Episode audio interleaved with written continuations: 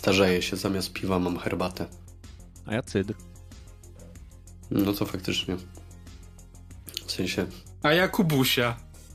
no to okej, wygrałeś kurwa tę kompetycję.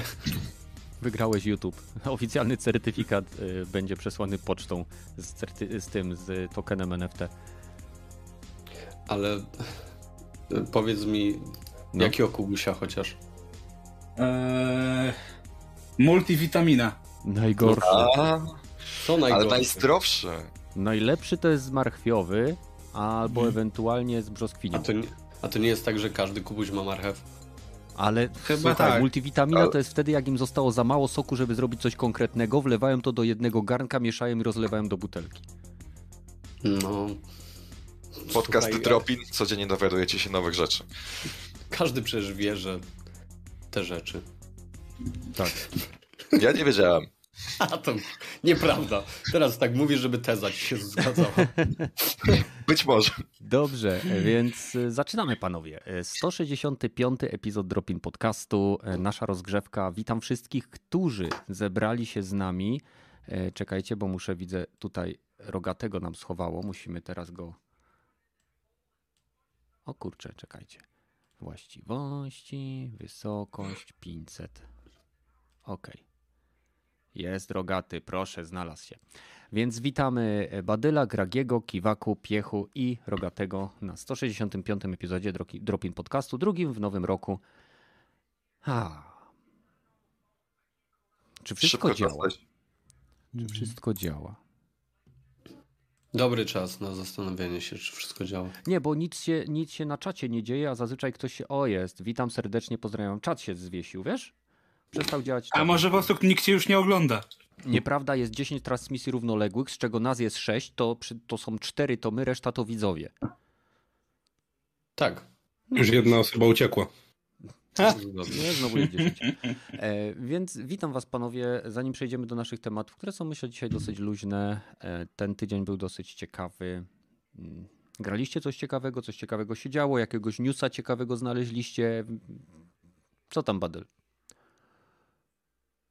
No co, dlaczego ja? Bo jesteś na samej lubisz górze, mnie. masz literkę B. No, kozak, nie? Jakby ktoś miał literkę A, to bym dał sobie jeden przed B, żeby dalej być na górze. Taki protip. Jakbyście chcieli zawsze być na górze, to ten. E, wiesz, e, w co ja grałem? Ja grałem w mm, dwie gry, zresztą z tobą, no to wiesz, że grałem. Grałem w tego Hell Let e, e, no to fajne, ale to trzeba mieć cierpliwość, trzeba mieć dużą ilość alkoholu i trzeba mieć przede wszystkim kompana do grania, bo tak to e, no, idziecie e, przez 15 minut tylko po to, żeby zginąć. I No to jest symulator tych y, Symulator. okopów, nie? To jest symulator, murator. E, tak, no i to jest w sumie spoko. Jeżeli masz, wiesz, drużynę i nie możesz się przez obostrzenia covidowe bawić w ASG czy inne mm, rzeczy typu paintball, no to tutaj to jest w ogóle koks. I jak macie grupę zapaleńców, to polecam serdecznie sobie spróbować, bo, e, bo to może być coś, co, co co w jakiś sposób wam się, wam siądzie po prostu. E, Ale druga gra to ko- kompletnie mnie oczarowała, w sensie e, do tego stopnia, że mm, e, zacząłem w nią grać tak dla siebie, nie tyle nawet z Kenetem, bo jest to Deep Rock Galaxy, mm, czyli... Galactic. Galactic? Tak, okej. Galaxy to jest taki telefon chyba, nie? Czy, czy Tak, Jest. z kamienia. Deep Z Rock kamienia. Galaxy. Tak, to, to, tak się dokładnie nazywa telefon, Deep Rock Galaxy.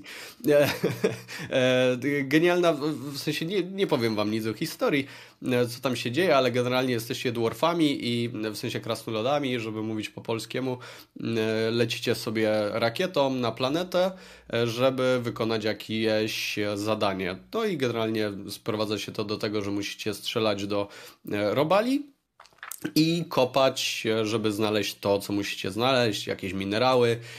Czasem e, Was proszą o jakieś podłączenie rur do e, rafinerii, żeby wydobyć tam, nie wiem, jakieś surowce, e, czy też, nie wiem, kopać, żeby zdobyć jaja obcych, bo Albo eskortować Wody. muła. albo eskortować muła, ale tego jeszcze mi się nie udało chyba doświadczyć. W każdym razie gra u swoich podstaw jest, w sensie gameplayowe jest tak przyjemna. Każde wbicie kilofu w skałę, każde zdobycie tego minerału, mm, każdy strzał, postawienie wieżyczki, budowanie mm, tych rur wcześniej wspomnianych mm, przeze mnie to jest wszystko tak przyjemne w, w, swojej, w swojej prostocie, bo to jest bardzo prosta gra. W sensie robicie generalnie to, co powiedziałem. Oczywiście dochodzą do tego jakieś mm, umiejętności, jak już powiedziałem, stawienie e, wieżyczki, e, nie wiem, budowanie jakichś platform, linki, nie linki, grapple hooki mm, i, i, i to wszystko jest tak tak mega przyjemne, że nawet nie wiedzieliśmy, kiedy z Kenetem e, i dwoma innymi zresztą e, gościami od podcastu. No, raczej konsolowo, tak się chyba nazywa. W każdym razie Germanosem i, mm, i Bartkiem e, Michals Kim? Chyba? Znowu zapomniałeś, jak ma na nazwisko. Znowu, znowu zapomniałem osoby. No nieważne. A jesteś niekompetentny, W każdym razie, wiesz? Tak, może tak. W sensie, kurwa, dzięki, dzięki. O nie, demonetyzacja.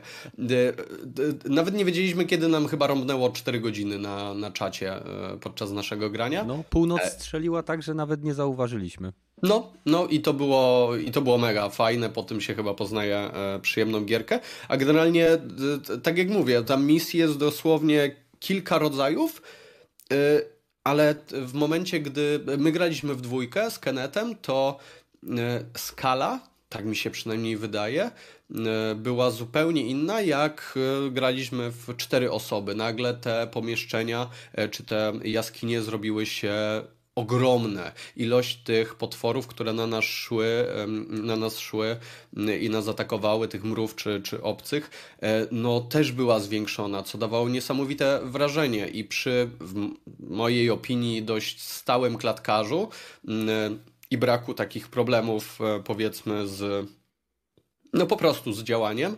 E, dawało to mega, e, mega po prostu przyjemną, e, przyjemną rozgrywkę i, i przyjemny czas. Mm, także jeżeli lubicie takie bardzo, bym powiedział, spokojne, proste gierki w swoim założeniu, ale dające masę satysfakcji, plus E, lubicie grać sobie z, ze znajomymi, którzy. E, no, tutaj nie trzeba być mistrzem, powiedzmy, pada, nie? To nie jest Apex, to nie jest e, kod, gdzie od Twojego skilla zależy, zależy, tak naprawdę, czy drużyna wygra, czy, czy też nie.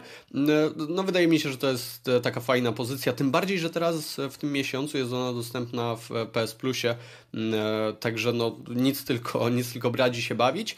To jest dostępne zarówno na PlayStation 5, jak i oczywiście w Plusie jak i na PlayStation 4, e, więc dodawajcie do, do biblioteki i, i, i sprawdźcie sobie chociaż, bo tak jak mówię, e, ja, pomimo, że wiemy, że w kopie wszystko smakuje lepiej, mm, e, to ja gram sam w tę grę i to jest idealna gierka, jak, jak to ja lubię mówić do, do podcastu, no bo tam za dużo nie ma tej, tej historii, także to serdecznie polecam. Jeżeli chodzi o growe rzeczy, to u mnie chyba, e, chyba tyle, moi drodzy. Mhm. E, to ja teraz przeskoczę, zaraz Gragi oddam Ci głos, bo też właśnie mhm. chciałem wypowiedzieć się na temat Deep Rock Galactic. E, gierka oprócz tego, że działa naprawdę płynnie, ma trzy tryby e, rozgrywki na PlayStation 5. Mamy tryb e, jakości, gdzie i tak gra trzyma praktycznie cały czas 60 klatek. Czasem leci na 61, czasem na 59 ale to są. E, Liczyłeś?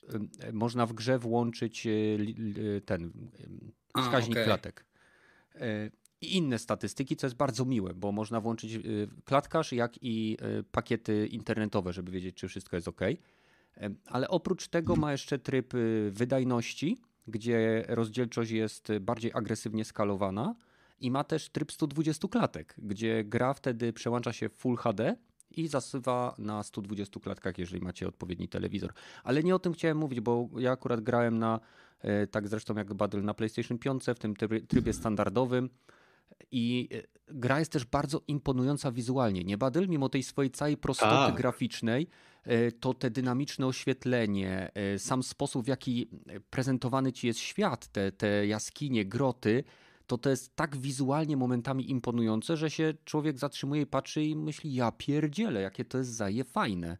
Szczególnie Mhm. ta e, gra świateł, tam w momencie, gdy idziesz ciemną jaskinią i nagle przed tobą wyłania się, e, no nie wiem, takie 3-4 kryształy z ziemi, które dają blask na, na właśnie tę te, te ciemną wcześniej e, jaskinię, no, no jest to mega, mega fajne e, i, i, i pomimo, że wszędzie i tak pewnie będziecie rzucać e, latareczki, które wam to rozjaśnią, no wyłaniają się takie smaczki. E, Tylko tak też samo- trzeba pamiętać, że one mają cooldown, mój drogi. Ale przecież Gragi, ja to wiem. W sensie grałem w tę grę 5 No godzin. tak, ale wiesz, nie może ludzie z podcastu nie grali, więc e, wiesz, tutaj trzeba wyjaśnić, że tych e, może i latarki są w nieskończoność, ale trzeba chwilę czasami odczekać, aż będziesz mógł rzucić kolejną, nie? Jak w życiu, jak w życiu. Znaczy, Musisz jak kiedyś rzuciłem latarką, poczekać. to mi się nie odnowiła Badyl. A nie cze-. Kenneth, Kenneth, może masz dłuższy cooldown, okej? A, a, no tak, nie znam cooldownu mojej latarki. To jest, to jest, a, Może jesteśmy w symulacji i po prostu ja czekam na respawn. Może Na te kilka lat jeszcze ci potrzeba, żeby tego cooldownu do, W każdym razie dokonać. mamy cztery klasy y, postaci. Każdą klasą gra się ciutkę inaczej. Ja gram y, scoutem, on ma harpun. Badel gra. Y, kim ty grasz? Gunnerem? Nie, ja gram. Ja gram e, takim gościem, który jest w stanie budować e, właśnie działka, wieżyczki, ma granatnik i e, jest w stanie e, stawiać takie podesty dodatkowo. A tak, tak, ty jesteś inżynier. Jest jeszcze Inżynier, no możliwe. i jest jeszcze gunner. Każda z tych klas ma swoje bronie, każda ma swoje jakby plusy, minusy. Oprócz tego w grze można wykupywać sobie różnego rodzaju perki e, za wykonywanie tak zwanych milestone'ów, czyli kamieni milowych. I naprawdę gra się mega przyjemnie. Jeżeli ktoś ma możliwość, to niech sobie pogra. W momencie, kiedy gracie sami, to i tak macie dosyć łatwo, ponieważ jest z wami dron, któremu możecie Tak. wydawać rozkazy. I on może zarówno kopać rzeczy, które są dla was niedostępne, jak i walczyć z przeciwnikami. Możecie go upgrade'ować. Najsilniejszym, myślę, mm, elementem tej gry jest perfekcyjnie wykonana stylizacja całego tytułu, która nie, nie wybija was w ogóle jakby z takiej imersji w ten świat. I krasnoludy, i otoczenie, i wszystko, co się dzieje, wizualnie do siebie pasuje, a dzięki temu właśnie, że poszli w taką, powiedziałbym, prostą, stylizowaną grafikę, e, mogą robić niesamowite rzeczy z ilością przeciwników, z losowym generowaniem e, tych e, jaskiń, do których idziemy, więc pokłady zabawy są no, do momentu, aż wam się nie znudzi tak naprawdę, więc zależy kiedy kto ma jaką tam granicę. E, Drugą rzeczą, o której muszę powiedzieć, to że e, miałem okazję zasmakować e, Ghostbusters Afterlife i Co to jest? Film, gra? film. Film. I powiem A. wam, że jako fan jedynki i dwójki jestem bardzo zadowolony, bardzo zadowolony z tego, jak został ten film stworzony. Nie jest to nic oryginalnego, nie jest to film, który należy według mnie porównać do innych filmów, ale do innych pogromców duchów. Tak jak ktoś chce pa pamiętać lub bardzo próbuje zapomnieć pogromców duchów z 2016 roku, e, no to tak powinien wyglądać ten film. I nie wiem, czy powstaną kolejne części. E, Mam nadzieję, że w jakiś sposób to zostanie ruszone, że to nie zostanie tak zostawione, e, bo fabuła, narracja, tempo, muzyka, wszystko sprawiało, że jako fan bawiłem się świetnie. E, To jest niesamowite zobaczyć film, który trwa ponad dwie godziny, czy około dwóch godzin i ma się wrażenie, że trwał 20 minut. To jest, to No się dzisiaj się takich filmów już nie robi praktycznie, nie? Tak. Takim podejściem. rzadko kiedy ktoś jest w stanie tak zmontować film, żeby, był, żeby jego tempo sprawiało, że tracisz zupełnie poczucie czasu. Ostatni raz miałem coś takiego oglądając Snyder Cut i teraz miałem e, ogląda, e, oglądając właśnie Pogromców Duchów Czekaj. Afterlife. Czekaj, czekaj, chcesz mi powiedzieć, że 4 godziny Snyder Cut'a przeminęły ci tako? Mhm. Nie wierzę. No, Szacun, nie? To, to takie... nie, autentycznie nie, nie, nie oglądaliśmy ani bez trochę. przerwy. Za, na, Nie wierzę mo, moja trochę, Agata nie nie. cierpi długich filmów. Jak kiedyś oglądałem z nią Sztorm Stulecia, nie wiem, czy ktoś kojarzy taki film e, na podstawie e, chyba Stephena Kinga książki, to ten film trwa chyba 4,5 godziny. No to Boże. ja byłem bardzo zadowolony, mimo że mi się dłużył. A Agata nie dała rady. Tutaj po prostu się oglądało i y, w pewnym momencie no, stwierdziliśmy, kurczę, minęła już godzina? Niesamowite, nie? Ale No, tak jak mówię, że E, jak mówię, no, trzeba być, myślę, dobrze nastawionym i zdecydowanie film będzie się o wiele bardziej podobał fanom jedynki i dwójki, bo jako samodzielny film jest to po prostu taka se historia, która nie wychodzi ponad poziom jakiegoś tam e, kina, e, komediowego kina akcji, o powiedzmy. Gragi, co u ciebie? No u mnie podobnie jak u was, tydzień z Deep Rockiem, tak naprawdę. Ja też y, się wciągnąłem trochę w ten tytuł, bo ja gram z przyjaciółmi, którzy mnie namówili i tak naprawdę głównie dlatego mi się ta gra jakoś tam podoba i chce mi się do niej jakoś tam chociaż na te dwie godziny wbić. E, I z kumplami, y, żeśmy właśnie, y, kumple nam pokazał e, bardzo fajne osiągnięcie, jakie można zdobyć. E, tam jest takie osiągnięcie, żeby przez dwie minuty jeździć na tej wyciągarce, na tych, na tych rurach, nie? Jak już te rurociągi ogarniesz, nie? I tak sobie myślisz, kurde, jak to zrobić, nie? Bo no, w normalnej rozrywce nie masz tyle czasu i ten, tym bardziej, że to, co nie wspomnieliście, y, tam można sobie dostosować poziom trudności właśnie zarówno pod kątem jaskiń, jak i tych ilości przeciwników, więc to, że nie wiem, dla was było lightowo, to dlatego, że pewnie trafiliście albo na poziom drugi, albo ewentualnie poziom trzeci, nie? Ja nie mówiliśmy, właśnie... przepraszam, nie mówiliśmy, że było lightowo, mówimy, że gra jest lightowa w sensie przyjemna w rozgrywce. Ale można ją sobie utrudnić tak, żeby była hardkorowa. Od razu mówię. E, także będziesz miał swarmy co 5 sekund i to takie, że wiesz, y, nie będziesz miał chwili oddechu i będziesz musiał co chwilę poczekać na amunicję. E, a my mieliśmy coś takiego, że y, kolega wziął jeden z tam właśnie gotowych biomów i wybudował taką y, wręcz kolejkę górską, nie? I po prostu przez dwie minuty żeśmy e, jechali ciągiem na tej, na tym rurociągu i w ten sposób nam e, wbiło osiągnięcie. Ale tak ja stwierdziłem i chłopakom podrzuciłem wtedy pomysł, że E, bo tam spadłem wtedy w przepaść i tak stwierdziłem, a spróbuję się do, zobaczyć, jak głęboko można się dokopać w dół. I żeśmy się tak dokopali, chyba godzinę żeśmy kopali do samego dołu tak, że ani nie można było już się zablokować, żeśmy się tak zablokowali, że ani do góry nie można było wyjść, ani w dół, a te wszystkie robale, które tam są, tam na nas y, najeżdżały i tu utknęliśmy z tymi robalami i to wiesz, to trzeba było już normalnie wyjść y, escape'em z, z gry, bo no nie, nie szło inaczej, ale nawet takie bzdury, nie, że ta, ta gra jest tak lajtowa, że nawet takie rzeczy można głupie odwalać i, i to też sprawia frajdę. Ja, ja naprawdę też przy Deep Rocku teraz tak relaksuję, że tak jak o, teraz nie wiem, dobijam do 100 godzin w BF-ie i już mi się nie chce grać, a w Deep Rocka to odpalę sobie na te dwie godziny z kumplami i ja się przy tym totalnie relaksuję, nawet jeżeli nic w tej grze nie robię, nie? Y, mhm. Odpaliłem sobie dla porównania właśnie y, solo na PS5, gdzie no, no faktycznie ja grałem większość na klawiaturze, więc jak przeszedłem napada, to nie mogłem się w tym odnaleźć. Nie, nie mogę tego wyczuć, będę musiał sobie pewnie dostosować czułość i tak dalej, ale po prostu naprawdę ja, jak zagrałem e, w Deep Rocka na PS5, to się czułem jak dziecko we mgle, tak jakbym pierwszy raz w życiu pada trzymał w dłoni, nie? Pierwszy raz w życiu, tak? E, miałem.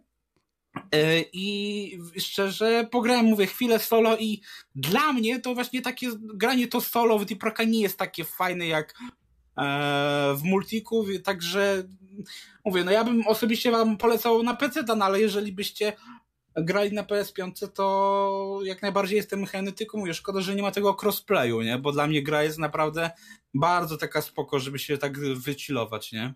Mhm. Także u mnie też Drip Rock totalnie. Tak. Okay. E, więc Kiwaku co tam u ciebie? Wow, ale muzycznie, dziękuję. dziękuję. Czy jako jedyny nie grałeś dzisiaj w Deep Rocka? Eee, nie, nie grałem w Deep Rocka. Gdybym miał Xboxa i był w, on jest w Game Passie, więc gdybym miał Xboxika, to bym w niego zagrał z chęcią. A gdybym miał PS5, on jest w PS Plusie, to też bym z chęcią w niego zagrał, ale nie mam ani, ani PS Plusa, ani Xboxa, więc A jak nie. masz 5 dych na Steamie, to możesz kupić go na Steamie za 5 dych. Eee, Czyli no, była taka promocja. Ujmę to tak, kiedyś z chęcią w tę gierkę zagram, bo to co opisaliście brzmi świetnie i kiedyś chyba jeszcze widziałem recenzję bodajże z Killapa i on też strasznie się tam grą zachwycał, więc no, w swoim czasie na pewno wypróbuję. E, może uda mi się za rok Badyleona e, nawrócić, żeby zagrał ze mną choć raz w coś. Um, już pewnie w tym już nie będzie. No, wysoce prawdopodobne.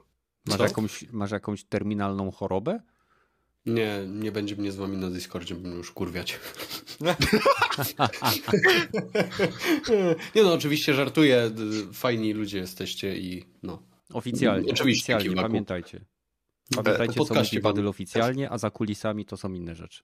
Zapraszamy na naszego Discorda, poszukujemy zastępstwa dla Badyleona. E, tak. Zapraszam. no zapraszamy. Link w E, opisie. No, link w opisie. A wracając. No ja w tym tygodniu nie zagrałem w kompletnie nic. E, tak was zaskoczę, bo e, trwa aktualnie sezon kolokwiów i za niedługo rozpocznie się pełnoprawna sesja, więc ja zbytnio nie mam czasu na granie. Ale z tematów okołogrowych e, to udało mi się e, pokonać samego siebie i własną ignorancję i zrewidowałem lekko swoją opinię na temat e, tematu, jakim są NFT. Dzięki e, naszemu koledze z Discorda, Wymiotowi, a także Tojowi z podcastu giereczkowego, e, a także Awiencowi, tak? E, Jego materiałowi, który wypuścił, tak, dokładnie. A Chociaż dużo dostałeś pieniędzy za tą rewizję? e, No tak, tak, O tak, Jezu. tak, tak. Zapła- chcemy teraz się kłócić o NFT, czy chcemy dać się wypowiedzieć reszcie, a dopiero później się kłócić o NFT, bo mnie... Chciałem spytać, czy dostałeś małpę czy misio? Ujmę to tak. e, Zrobiłem ze swojej mordy, którą właśnie widzicie, Mi co, albo nie mi widzicie. co najwyżej e, małpkę by mogli dać, a poza tym... Taką z raczej- żabeczki. taką z żabeczki, no.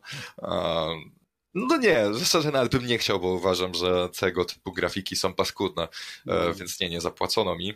E, a moja opinia aktualna jest taka, że sam koncept e, NFT, czyli non-fungible tokenów, a także blockchaina jest świetna. W sensie sama koncepcja. Tylko problem polega na tym, że aktualnie ta koncepcja jest realizowana w sposób, który no, zwyczajnie nie jest zbyt, nie jest, nie jest czymś, na co oko publiczne by zerknęło przychylnie. No bo umówmy się, ale jeśli masz nową technologię, która ma spory potencjał na zrewolucjonizowanie e, rynku jakichkolwiek wymian informacji i transakcji, e, no to nie reklamujesz jej raczej e, brzydkiej jakości grafikami, które są kupowane przez celebrytów za grube pieniądze. Umówmy się, tak? Tego się nie robi.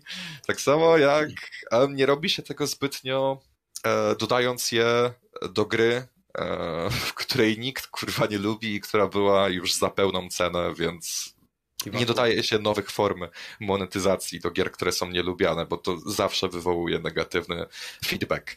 A ja ci coś powiem, bo generalnie reklamę robisz po to, żeby ludzie gadali. Nie wiem, czy widzisz, jak zawrzał internet polski po tym, co zrobiła Magda Gessler, Montana, Tak. Gonciarz. Tak, tak, tak. To, tak. po, to była, to był wybuch kurwa atomówki. I tego nie da się inaczej, e, inaczej Tak. ująć. To, ile powstało materiałów na YouTube, to, ile powstało e, wpisów na Twitterze, e, to, ile my o tym rozmawialiśmy, to, że my to w ogóle teraz poruszamy ten temat, e, to jak giereczkowo w ogóle wybuchło, to, to, to jest moim zdaniem dobrze zrobiona reklama.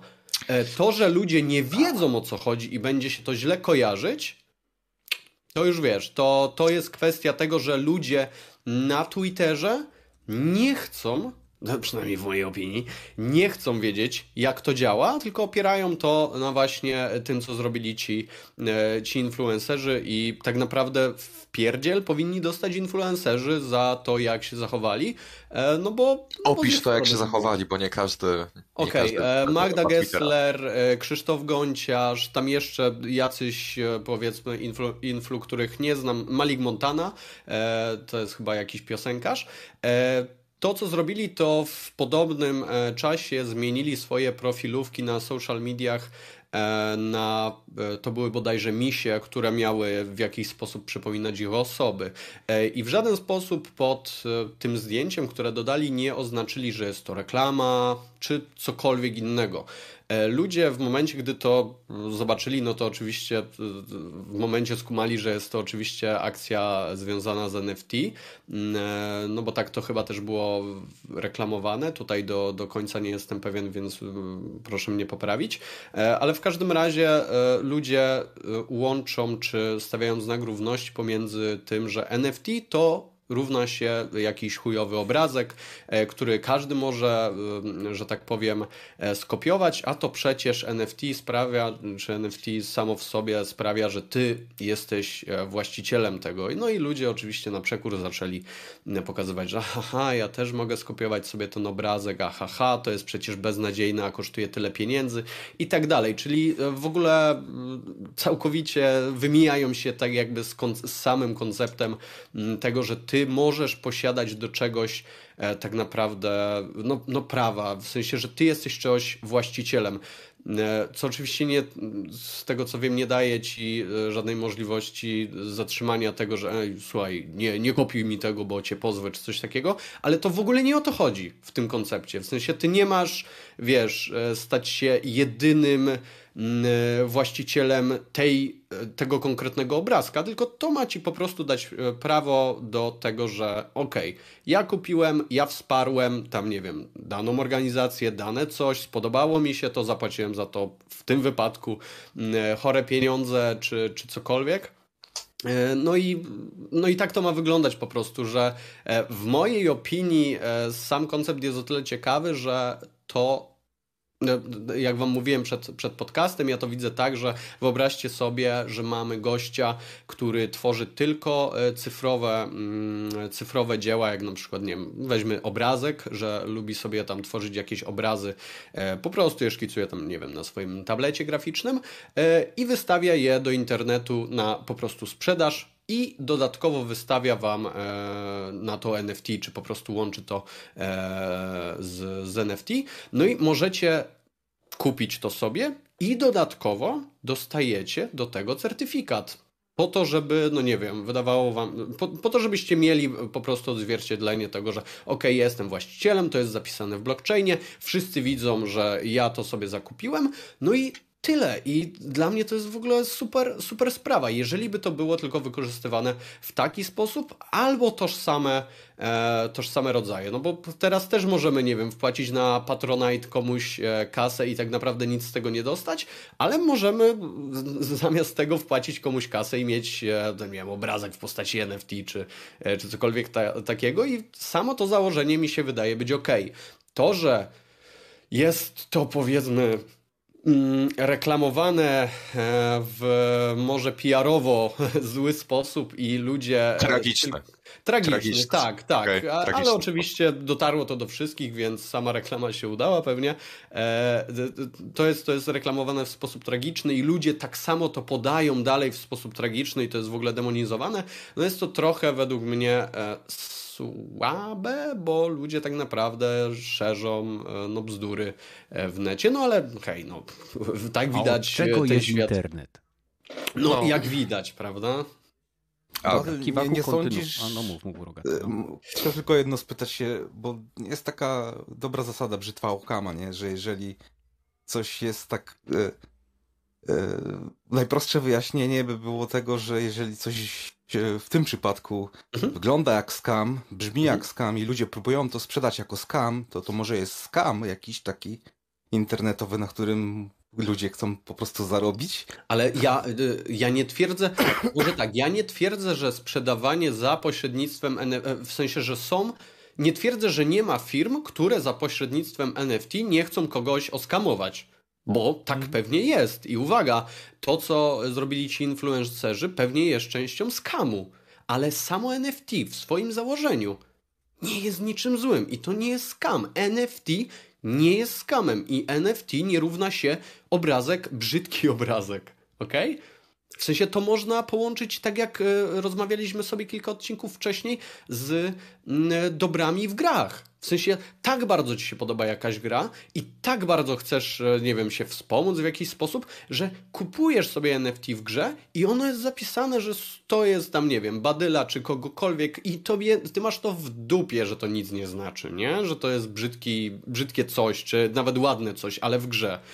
To jest kozak i możesz to później komuś sprzedać. I, i sama, samo to jest kozackie, ale no jeszcze chyba musimy do tego w jakiś sposób dojrzeć, bo w momencie, gdy nie, ktoś nie, nie, widzi obrazek... E, Uważam, że to nie my musimy do tego dojrzeć, w sensie, po części tak, sporo osób musi dojrzeć do tego, że powinni zacząć robić jakieś, jakiś research, e, szukać informacji na temat, który chcą porozmawiać, zanim się o nim wypowiedzą, tak? Że warto mieć wiedzę, zanim zacznie się gadać. Tego na pewno, do tego na pewno każdy powinien dorosnąć, w tym ja. No bo mhm. umówmy się, w poprzednich odcinkach, tam kilka odcinków temu na podcaście, no, e, pojęcie o NFT miałem zdecydowanie e, mniejsze niż mhm. powinienem mieć, aby się móc normalnie o tym wypowiedzieć. Ale też przede wszystkim ta technologia powinna być prezentowana w o wiele lepszy sposób przez korporacje, które chcą nam ją sprzedać. Bo aktualnie. Musi dojrzeć. To znaczy aktualnie... spokojnie. Ja, ja uważam, że do, tego, e, że do tego dojdziemy.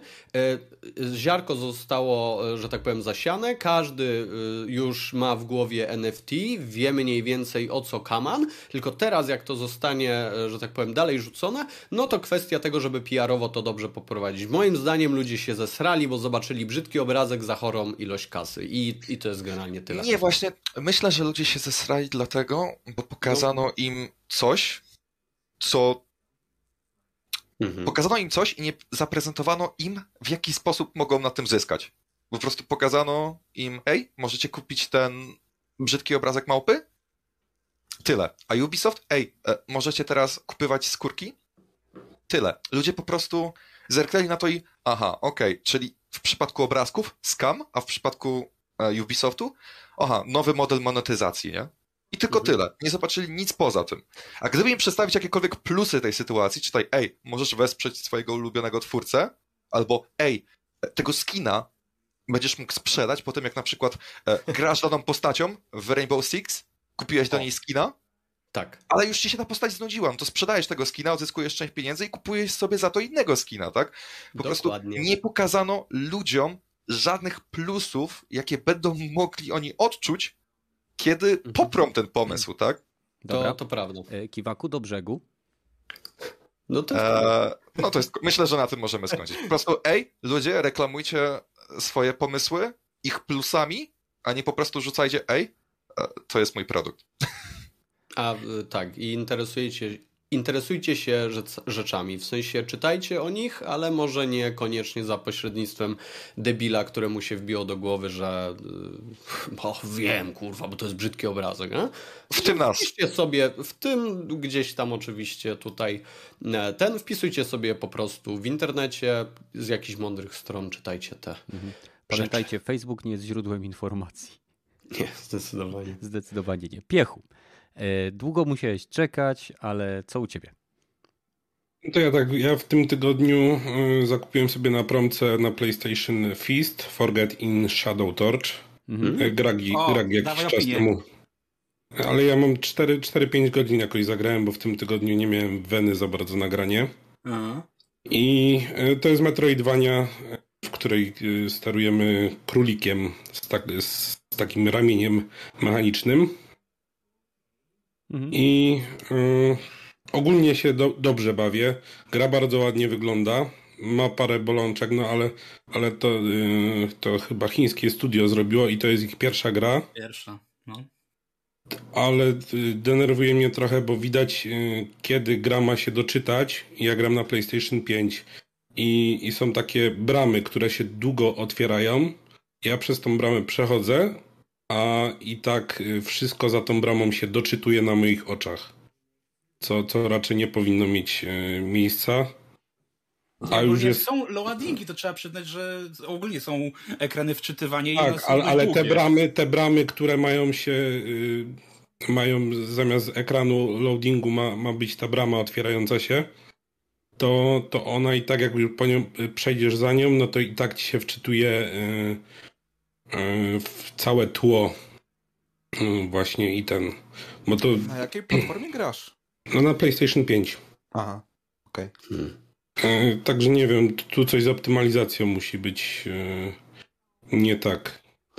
Bo, bo nie dosyć, że trzeba czekać, to i tak wszystko z, z gorsze, gorszego, e, z takiej pikselozy przeskakuje w ostrzejsze, w ostrzejsze tekstury. I plus jeszcze y, tam w niektórych momentach y, źle są trochę y, zaprojektowane areny, bo tam w niektórych miejscach to są normalnie można sobie przejść, uciec przed przeciwnikami, ale niekiedy jest tak, że mamy zamknięte drzwi, no i musimy wszystkich pokonać i dopiero możemy iść dalej. I niekiedy jest tak, że to jest źle za, zaprojektowane, jest albo za mało miejsca i trzeba walić na pałę, tam nie, nie ma żadnej taktyki, nic, tylko trzeba walić na pałę, bo, bo inaczej nie idzie tego przejść. Ale ogólnie dobrze się bawię. No ale to tak 4-5 godzin, a gra z tego co wiem jest na 15, także jestem w jednej trzeciej. Hmm. Okay. I... Zresztą mówiliśmy już, ja mówiłem parę ze trzy razy na naszym podcaście, więc myślę, że już ten tytuł możecie znać ogólnie. I ja mam no. też u siebie też robiłem recenzję na ten temat, bo gra z PS Plusa, z PS Plusa sobie jeszcze ściągnąłem tego Deep Rock Galactic. Hmm. Zagrałem tylko samouczek i, i wyłączyłem. Bo nie, samouczek też nie jest taki prosty, nie? Znaczy nie, nie, nie o to chodzi, ja po prostu nie mam w tym, ty... nie wiem, ten tydzień jest taki dla mnie że niemrawy, że nie miałem weny nagranie. E, pewnie jak będę miał więcej czasu też to, to siądę i sobie jeszcze ściągłem Dirta piątkę, żeby zobaczyć jak w 120 FPS-ach działa.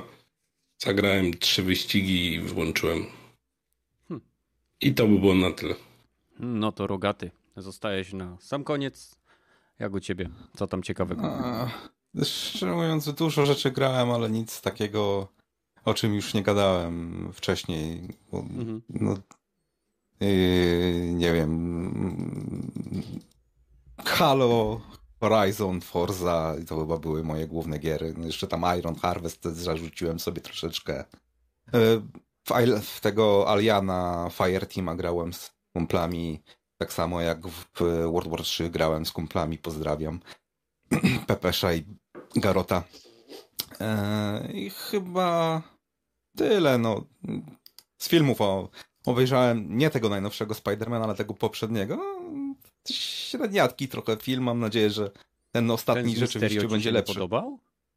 Ej. Eee, znaczy nie tyle, co się nie podobał, tylko że no, wiedziałem, że Mysterio znałem historię tego, tej postaci, więc mnie nie zaskoczyło ani twist, ani e, ale realizacja, zdziwił. jaka zajebista. Ta walka na, w opuszczonym budynku, na budowie. Kuźwa, przecież wizualny nie, majstersztyk. To... Gdzie ja to mogę hmm. obejrzeć? Na Disney+. Plus. No, to... Nie, nie, możesz Poczekaj, obejrzeć wszystkie ja Spidermany. mogę obejrzeć? Badyl, kuźwa. Hmm. Wszystkie Spidermany możesz obejrzeć y, w tej usłudze Video Plus. Y, z Sony. Na Netflixie chyba też jest. Na Netflixie jest tylko Homecoming. Tak. Tylko pierwsza część trylogii. Więc... Druga też była. E, była chyba, ale już nie ma. Z tego co widziałem. Razie Sony po, przed premierą e, No Way Home wrzuciło na ten Video Plus wszystkie pająki, także można od sama Raimiego obejrzeć. Nawet po... z tym prawdziwym Spider-Manem i. Tylko wiesz, według ciebie, Gragi, tylko według ciebie.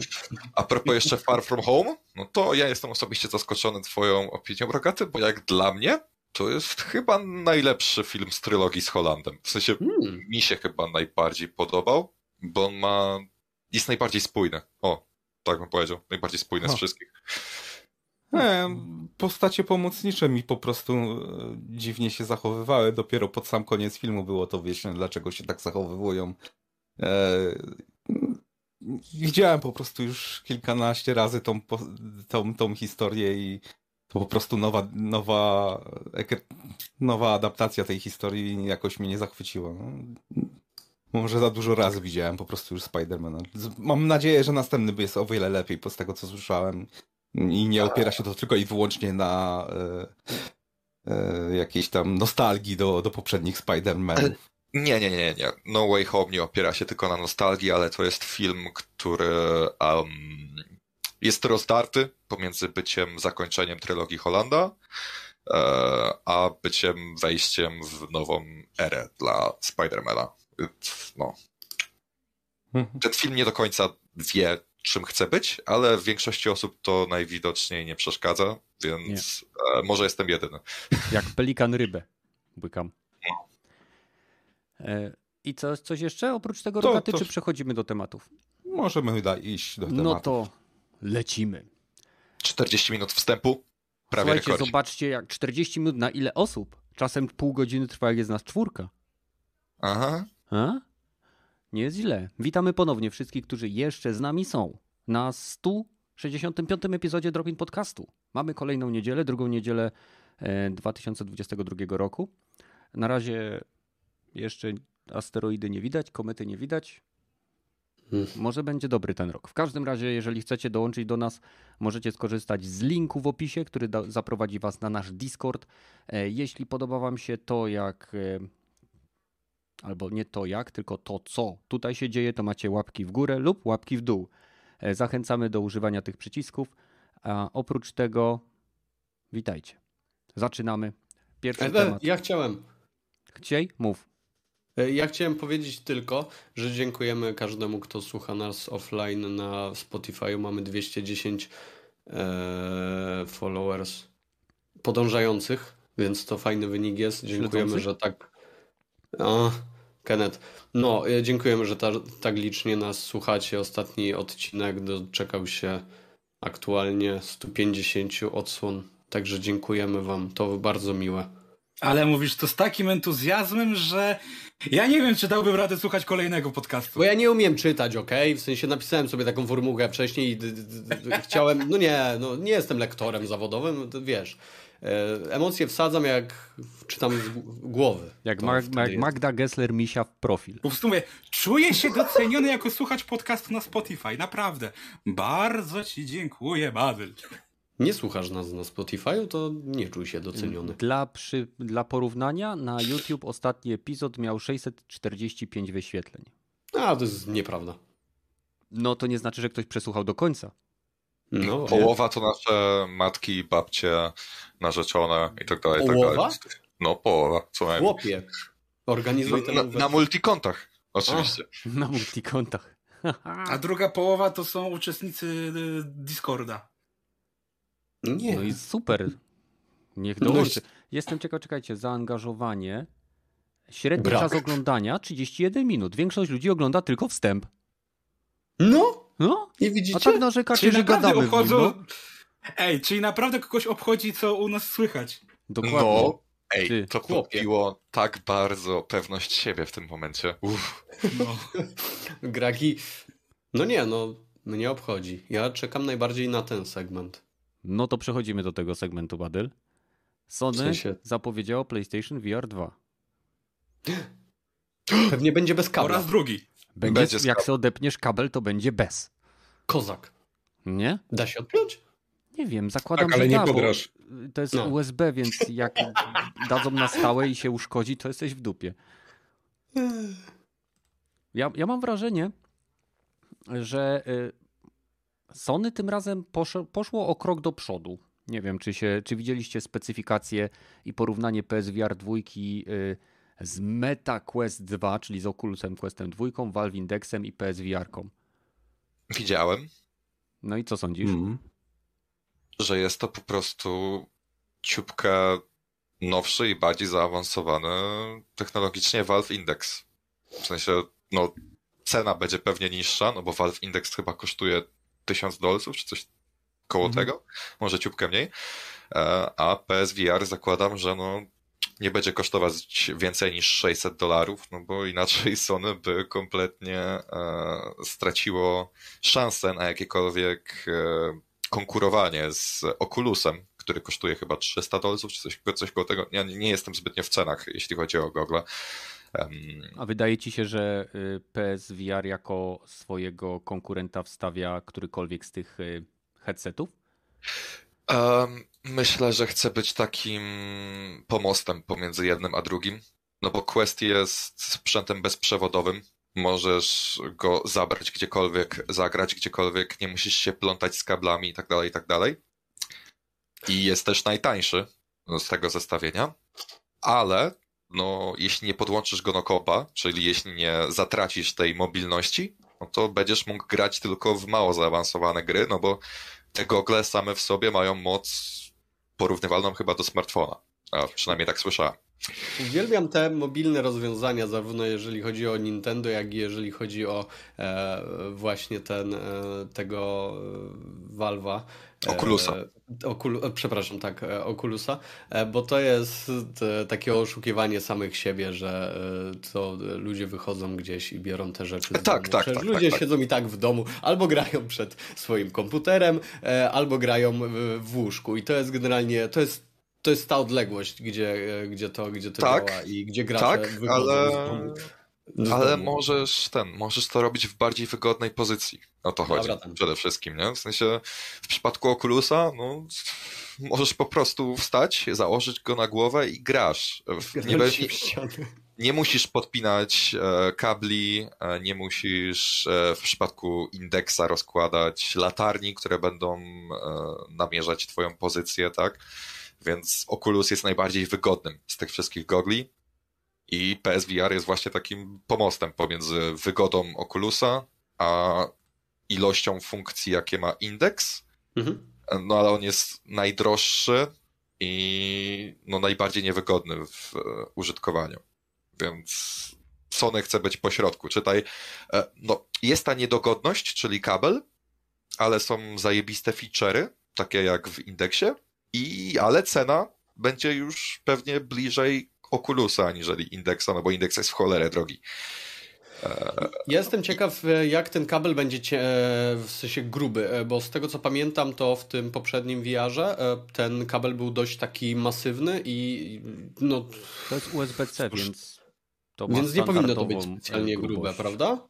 Nie, no to będzie, no. tak jak zakładam, że to będzie kabel normalny USB-C, pewnie o, o określonym tym ratingu transferowym e, i będzie wpinany w przedni port. Ten jedyny port na konsoli PlayStation 5, który hmm. gdzieś tam przez y, y, ten inżynierię wsteczną, czy jak to się tam mówi, reverse engineering, ktoś na hmm. początku premiery konsoli zdiagnozował ten port i to jest jedyny port na konsoli, który ma opcję wysyłania obrazu wideo na zewnątrz.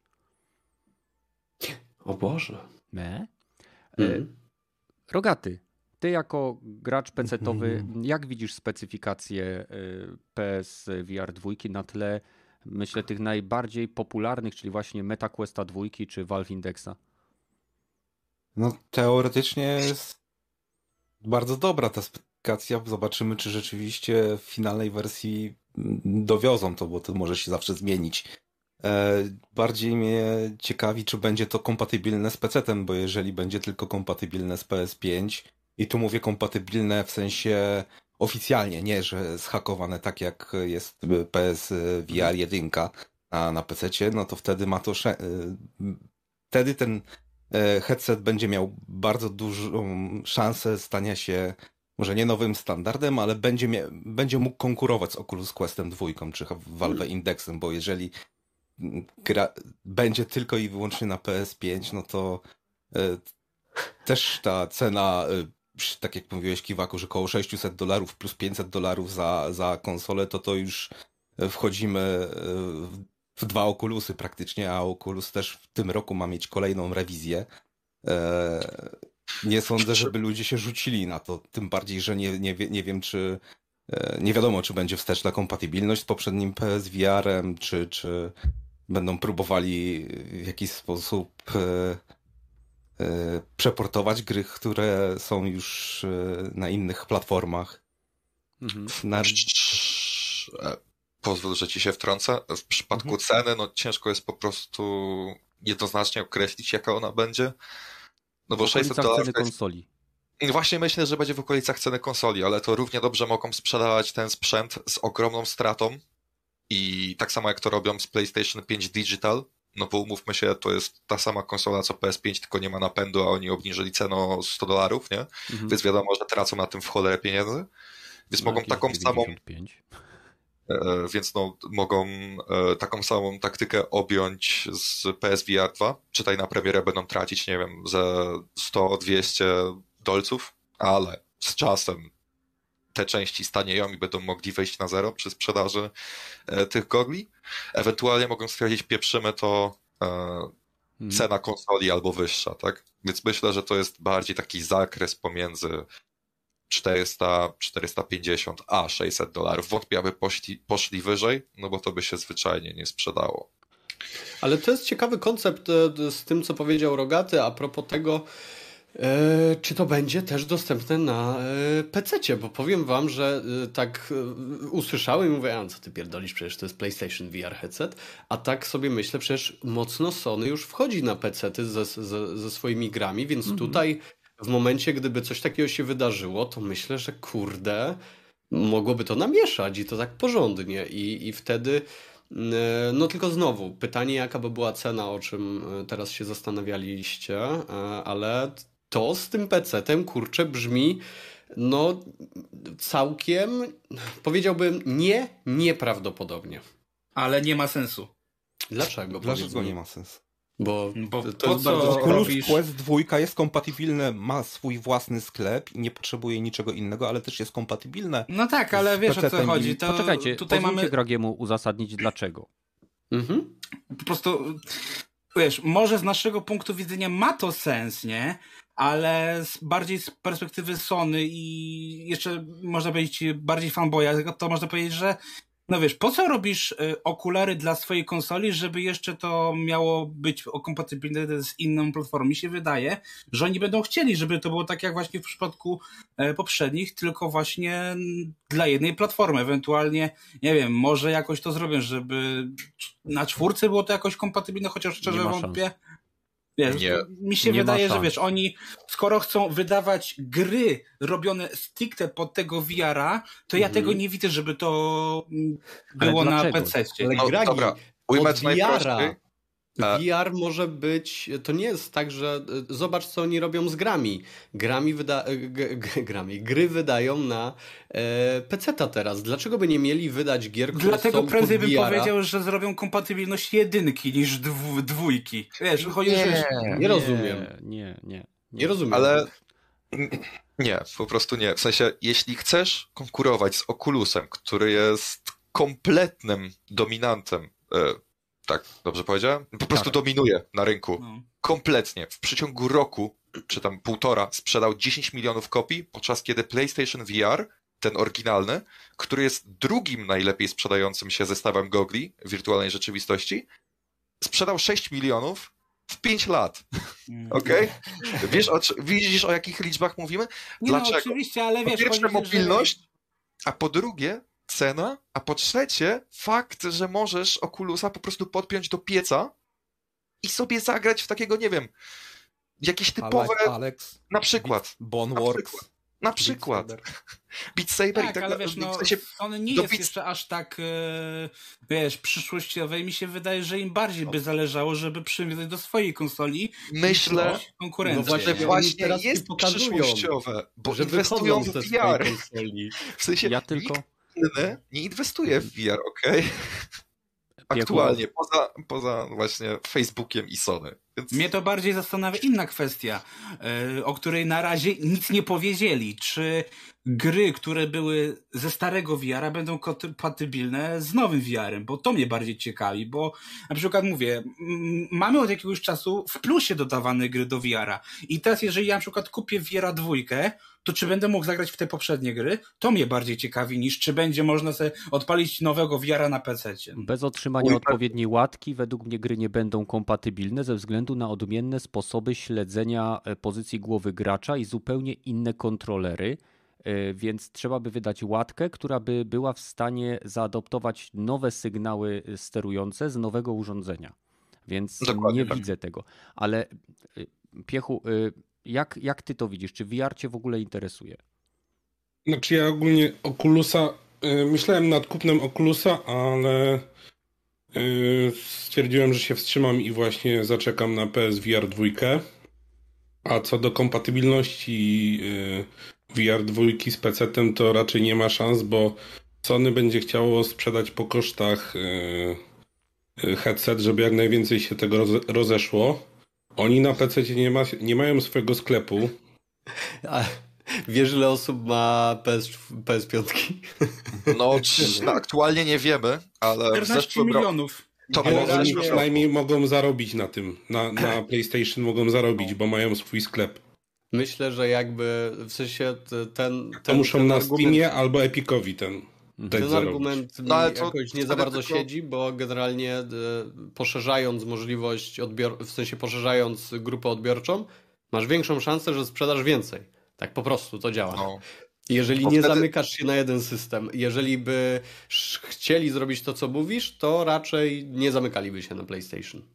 Ja, raczej. Ja widzę tutaj jeden jakby błąd czy y, brak w tym, co mówi Gragi. Ja nie widzę żadnego logicznego powodu, dla którego headset, który jest podpinany przez USB-C, czyli standard, który obowiązuje teraz na PC-tach i konsolach, miałby być niekompatybilny z grami na PC-cie. Według mnie Sony chce wejść w rynek VR, bo widzi teraz w chwili obecnej, tak jak zresztą wszyscy jesteśmy świadomi, trzech graczy. Mamy Y, mamy tak naprawdę mm, Oculusa, mamy Valve'a, który jest high-endowym headsetem y, i mamy na konsolach y, PSVR. I teraz Sony ma naprawdę wybór dosyć dobrych gierek, które były tworzone specjalnie na PlayStation 4.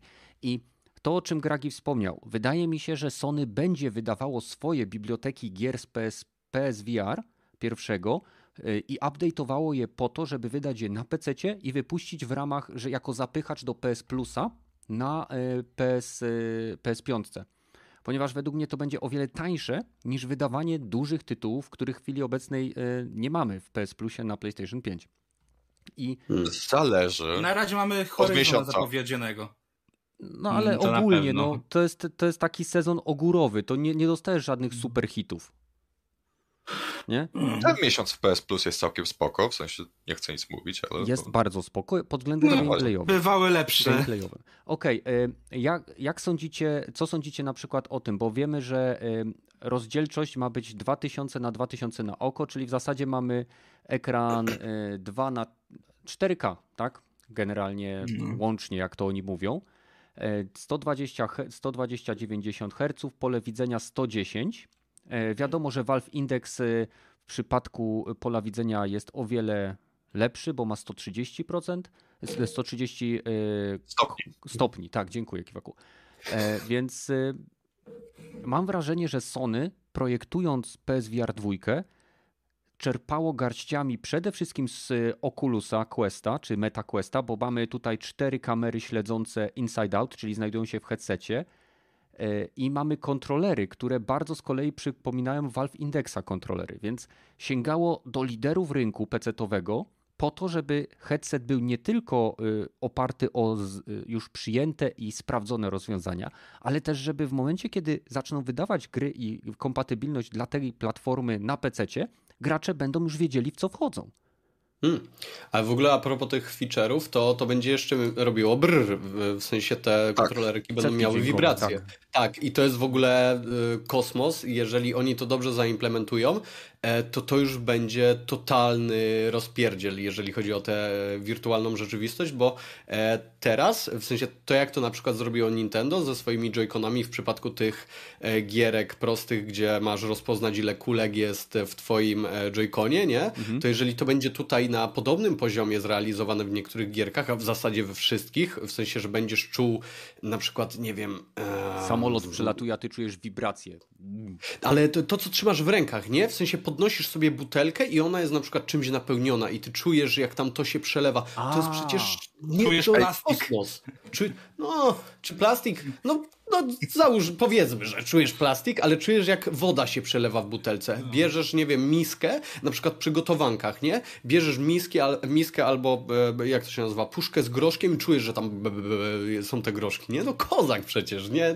Niesamowite. A takimi grami no troszkę stoi ten VR, nie? W sensie symulatorami, tu jakiś Beat Saber. Tu, Interaktywnością no. stoi po prostu. Mhm. Im większa interaktywność, tym większa imersja. Ja bym chciał sobie groszkiem pomerdać. Okej. Okay. Jakkolwiek to nie brzmi. E, z ciekawych rzeczy, jaką Sony e, będzie wykorzystywało w swoim headsetie, jest śledzenie gałek ocznych. Do tego będzie dedykowane, jedna lub dwie dedykowane kamery, E, podczerwone, które cały czas będą sprawdzały, w który punkt e, ekranu, który jest bardzo blisko naszej twarzy, będziemy patrzeć. To w połączeniu z technologią e, tak zwanego renderowania ogniskowego czyli renderowania, w którym moc obliczeniowa jest przekierowywana w punkty, w które patrzy, patrzy gracz. Na takiej zasadzie, że jeżeli spojrzymy naszymi gałeczkami w prawo, to automatycznie konsola przekieruje moc hmm. renderującą na punkty, na które my patrzymy. I to jest bardzo ciekawe rozwiązanie, bo pozwala konsoli, która wcale nie jest żadnym e, super turbo PC-tem, na którym mogą chodzić gierki takie jak na Valve Indexie na full detalach, czyli na przykład Half-Life Alyx czy jakieś inne turbo gierki, e, będzie mogła zaoszczędzić masę mocy obliczeniowej, ponieważ będzie renderowała tylko punkty, znaczy nie tylko punkty, ale będzie skupiała się na obszarach, na które patrzy gracz. Jestem ciekaw, bo to może różnie działać, jak śledzenie wzroku będzie działało dla ludzi w okularach. Bo jak wiemy, soczewki hmm. potrafią załamywać yy, światło, które przez nie przechodzi. I w tym momencie mogą być problemy. E, plusem jest to, że w przeciwieństwie do PlayStation VR 1, każda z soczewek będzie mogła być regulowana niezależnie e, w headsetie. Przynajmniej z tego, co oglądałem w prezentacji i w opisie. Więc y, jak, jak, jak wy to widzicie? Czy to zostanie również zaimplementowane na przykład w Questie dwójce, w tej kolejnej rewizji? Bo śledzenie oczu to już y, jakby technologia była opracowana od dawna, ale żaden headset tak naprawdę tego nie wykorzystuje. No, do tej pory chyba było ciężko właśnie wcisnąć y, kamerki, które będą śledzić oczy przy takiej małej odległości żeby to było precyzyjnie. Wiem, że mnie bardziej interesuje, czy w grach jakoś to będą, będzie można zaimplementować, bo były giery, które wykorzystywały ten e, bar. E, co się pod do, monitorem stawiało. Dokładnie, co się pod monitorem i to pozwalało na e, szybkie, tak jakby skupianie się na przedmiotach, które są porozrzucane na, na, wokół swojej postaci hmm. i szybkie podnoszenie tego, czy, czy taki sposób, taki sposób E, sterowania swoją postacią będzie możliwy dzięki temu śledzeniu oczami, no to, to by było naprawdę ciekawe. E, tak jak mówiłeś, większa imersja by była, nie? Że patrzysz na coś i e, naciskasz tylko, nie musisz niczym sterować mm. przy pomocy rąk, tylko wystarczy, że to na to popatrzysz, naciskasz jeden guzik i od razu przyciągasz sobie, nie wiem, miecz świetny do ręki, nie? Bez, Albo... bez potrzeby. Wyobraź mhm. sobie sytuację, że gadasz z jakąś postacią i zamiast na nią patrzeć, E, rozglądasz się po pokoju i ona przerywa, ej, gdzie się kuźwa no. Patrz na mnie, jak do ciebie mówię, nie? I wpysk. I wibracja ci, je, o mój Boże, o, wstrząs mózgu. Wstrząs mózgu to jest bardzo ciekawa opcja, interesuje mnie. No, no, zainwestowałbym. A Co tak. ciekawego, no?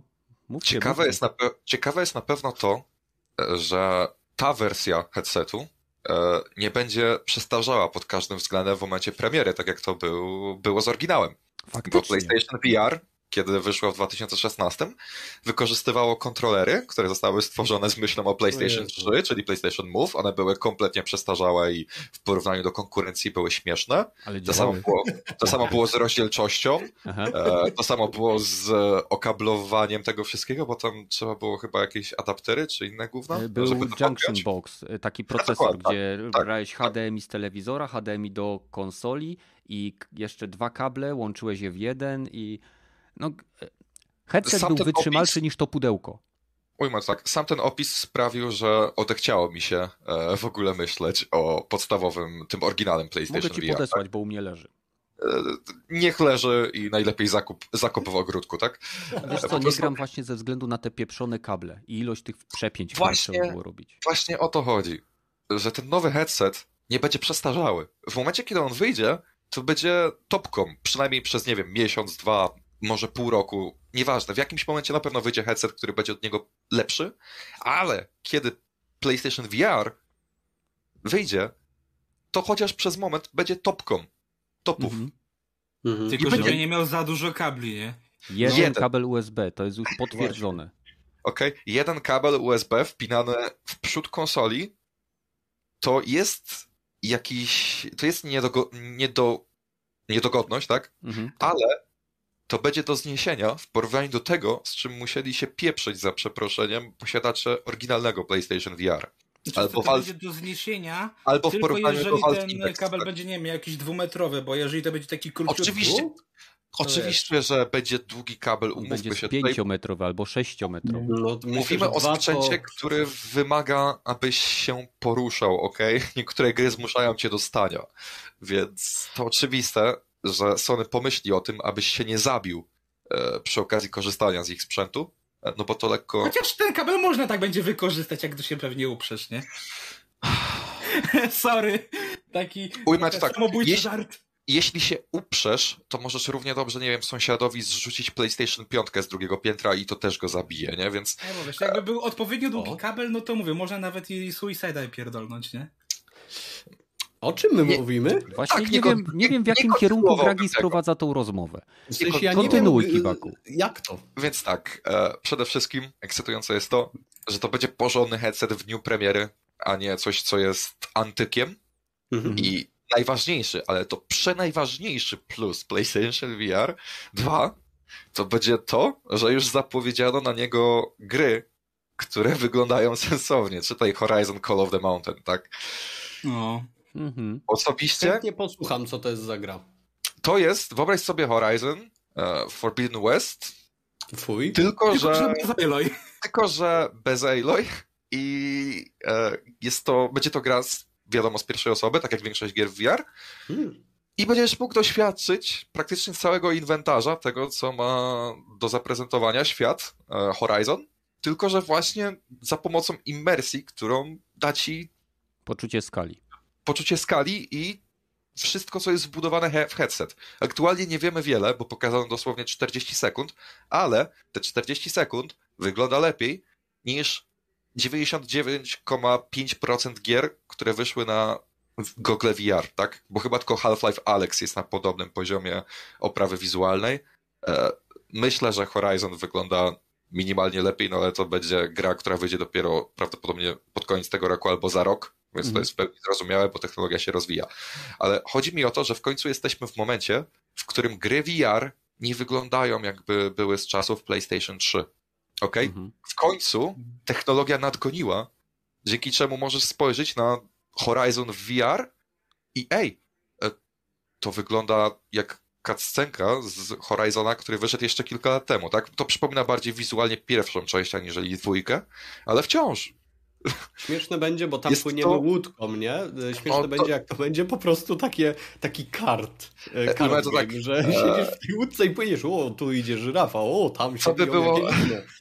To by było bardzo, ale to e, bardzo rozczarowujące, ale na całe szczęście już słyszeliśmy pogłoski, że to ma być gierka AAA, tylko że w VR. Skyrim nie? w świecie e, Half-Life. No Boże, nie, nie w sensie, Horizon. Tak, ma to być po prostu taki odpowiednik Half-Life'a Alex, nie? czyli taki sprzęt, dla którego kupujesz te gogle. Przynajmniej tak jest to opisywane Aha. przez o, kurde. osoby, które ten...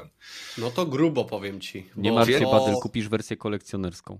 Więc jeśli jeśli faktycznie będzie to tego typu gra, czytaj e, gameplay będzie satysfakcjonujący, nie wiem, strzelanie z łuku, używanie bomb czy innych cholerstw, nie wiem jak to będzie wyglądało. Póki co widzieliśmy 40 sekund pływania łódką, ale no jeśli gameplay będzie równie zachwycający co oprawa wizualna, jak na standardy gier VR, no to wow! W końcu nie dotarliśmy do momentu, kiedy wiesz, tego typu gry będą traktowane realnie poważnie, a nie tylko niektóre poszczególne tytuły, jak nie wiem, Beat Saber jest powszechnie lubiany, albo Half-Life Alex, albo The Walking Dead, e, Saints and Sinners, tak? To są mhm. pojedyncze tytuły, które mają taki uniwersalny fandom, że każdy wie, że one są dobre i nikt tego nie kwestionuje. Ale w przypadku większości gier na VR, no ludzie mówią, a pierdółka, a popierdółka, a popierdółka, a popierdółka, a to jest brzydkie, więc nawet nie chciałbym w to zagrać, tak? Tak to wygląda w przypadku większości konsumentów. Więc Chciałbym... cieszę się, mhm.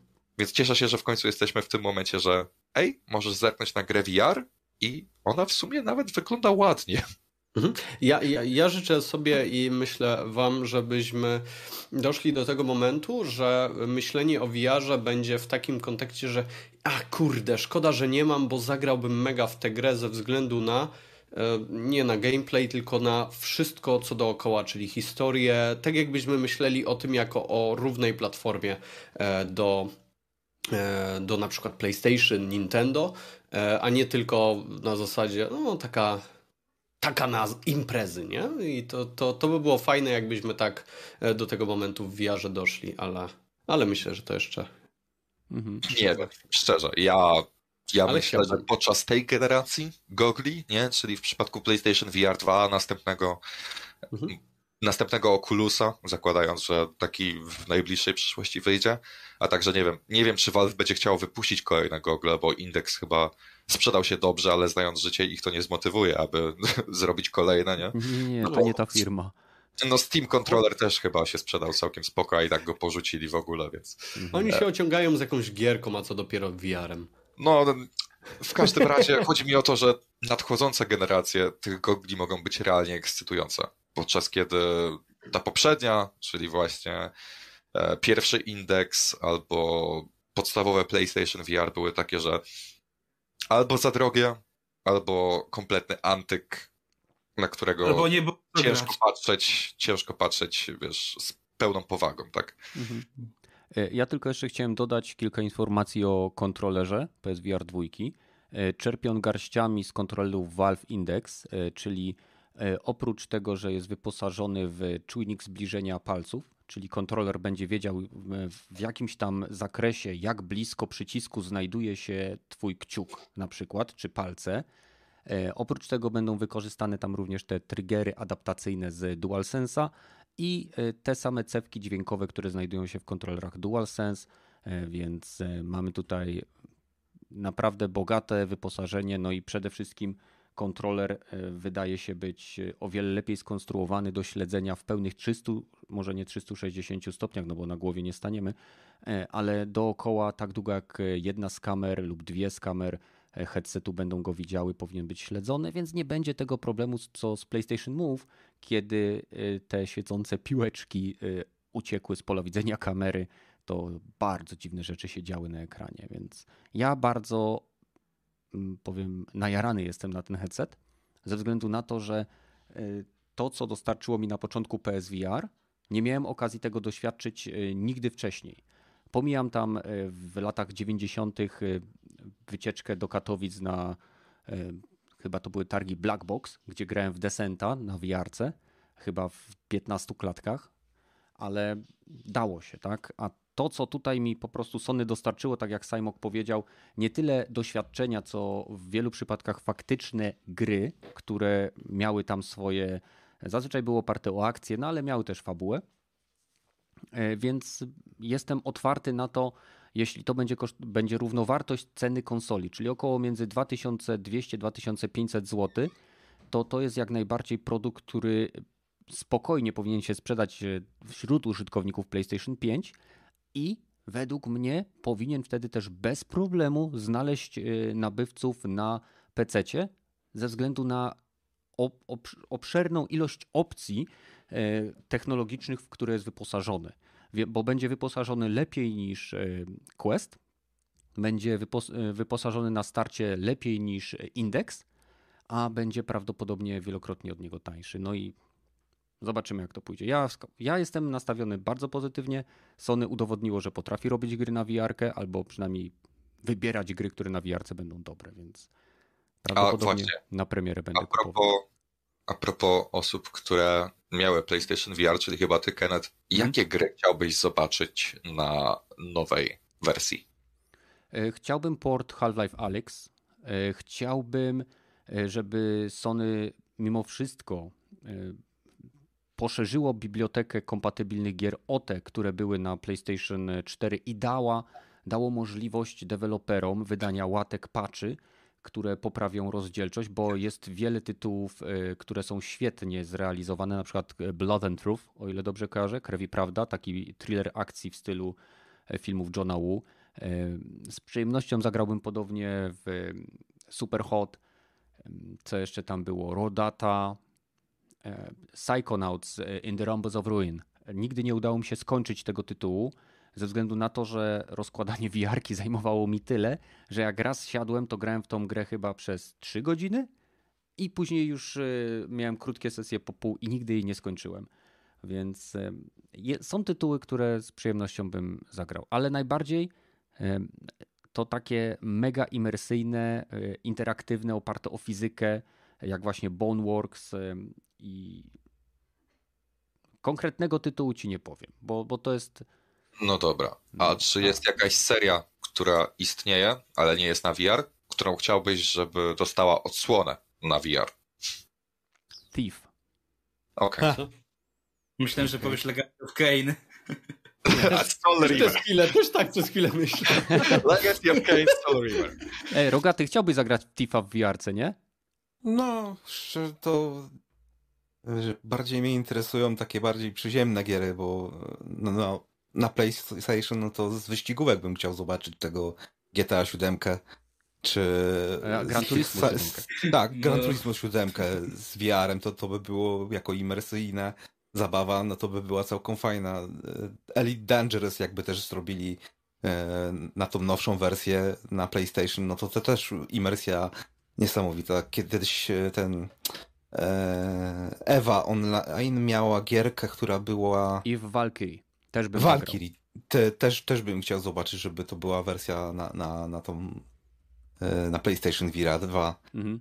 Mnie, mnie takie też giery, bo jedno właśnie E, takie pełne gry z otwartym światem są fajne i ładne, ale to trzeba jednak mieć dużo miejsca w pokoju i trzeba mhm. dosyć dużo na to poświęcić, żeby wy, wy, tak jakby wszystkie te takie nieprzyjemne rzeczy wypłaszczyć, gdzie najlepiej to chyba właśnie zrobił Half-Life Alex i ale te takie standardowe rzeczy, jak że siedzę i sobie po prostu latam po, po galaktyce, albo siedzę i sobie jeżdżę za fajnymi samochodami, to, Mech Warrior to też rzeczywiście Kuźwa, by było zajebiście. To by było. Ja, ja marzyłem o gierce, która będzie Mech Simem na PlayStation VR, wiesz, gdzie siedzisz w tym kokpicie, masz przyłączniki i, i te... Coś mniej więcej jak e, Microsoft próbował zrobić z Kinectem, tak? Steel Battalion się to nazywało, tylko że mhm. to totalnie nie wyszło. Dokładnie. No, no, jakby e, PlayStation VR 2 działała na, na PC, no to Microsoft Flight Simulator to, to już by było dokładnie to, to, że w prawdziwym kokpicie, w prawdziwym samolocie latasz po prawdziwym świecie i przy takiej imersji mógłbyś spokojnie zapomnieć, że jesteś w VR, nie? Mhm. Tak, takie I że nie jesteś pilotem, tylko siedzisz w domu. No.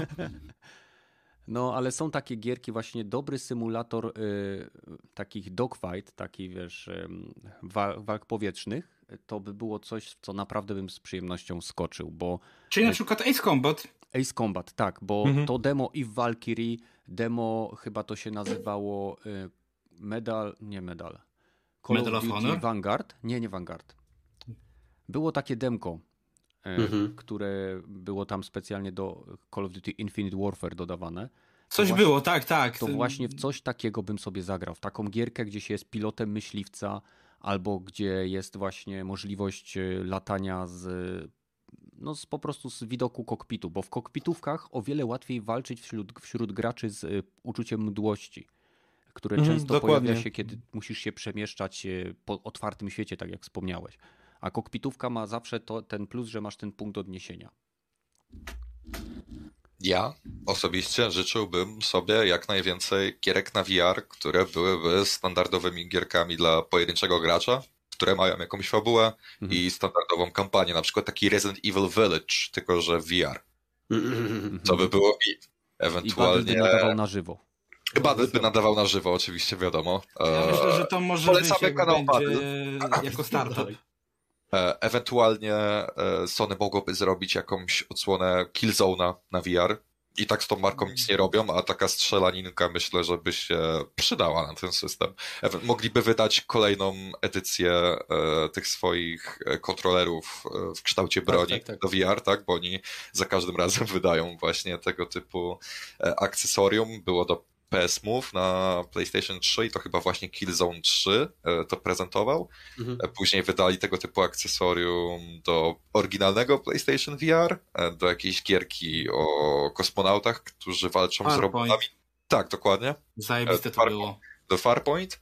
E, więc no myślę, że prędzej czy później e, tego typu jednorazowy kawałek plastiku wyjdzie też e, do PlayStation VR 2 i trzymam kciuki, że wraz z nim no stworzą jakiegoś, nie wiem, Killzone'a, Resistance, cokolwiek, coś co miałoby fajną kampanię single player, w której po prostu fajnie by się strzelało i słuchało. Albo takiego, nie wiem, jakiegoś animulca typu Persona i w wersji plus 18. Jeśli wiecie, co mam na myśli.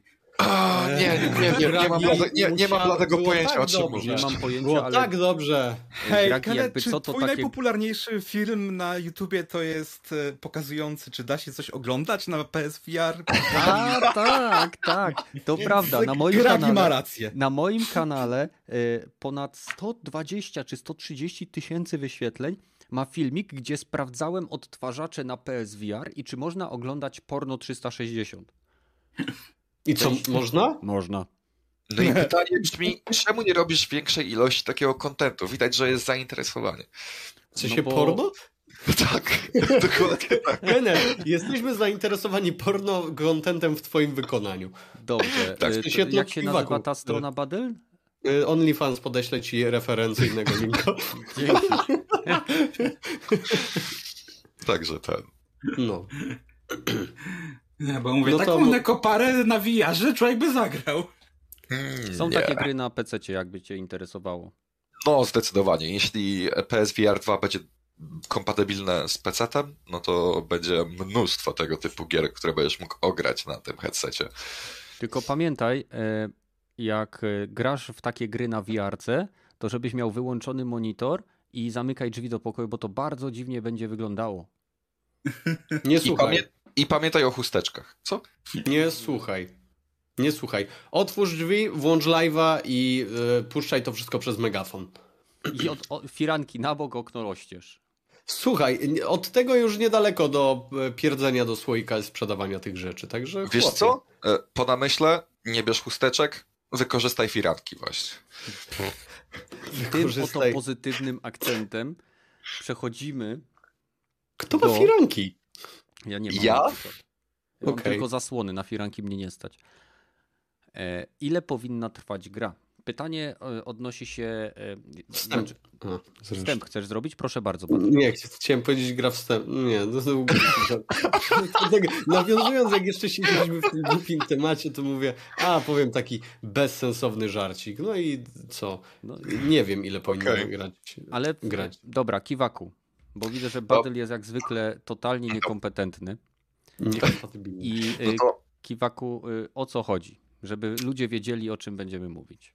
Ten temat zaczerpnęliśmy z rozmowy, która wybuchła na social mediach w kontekście tweeta, które opublikowało konto oficjalne Dying Light 2 o tym, że ukończenie gry na 100% ma rzekomo zająć aż 500 godzin i to zostało porównane do czasu, który jest potrzebny, aby chyba przejść e, z Warszawy do Madrytu, tak?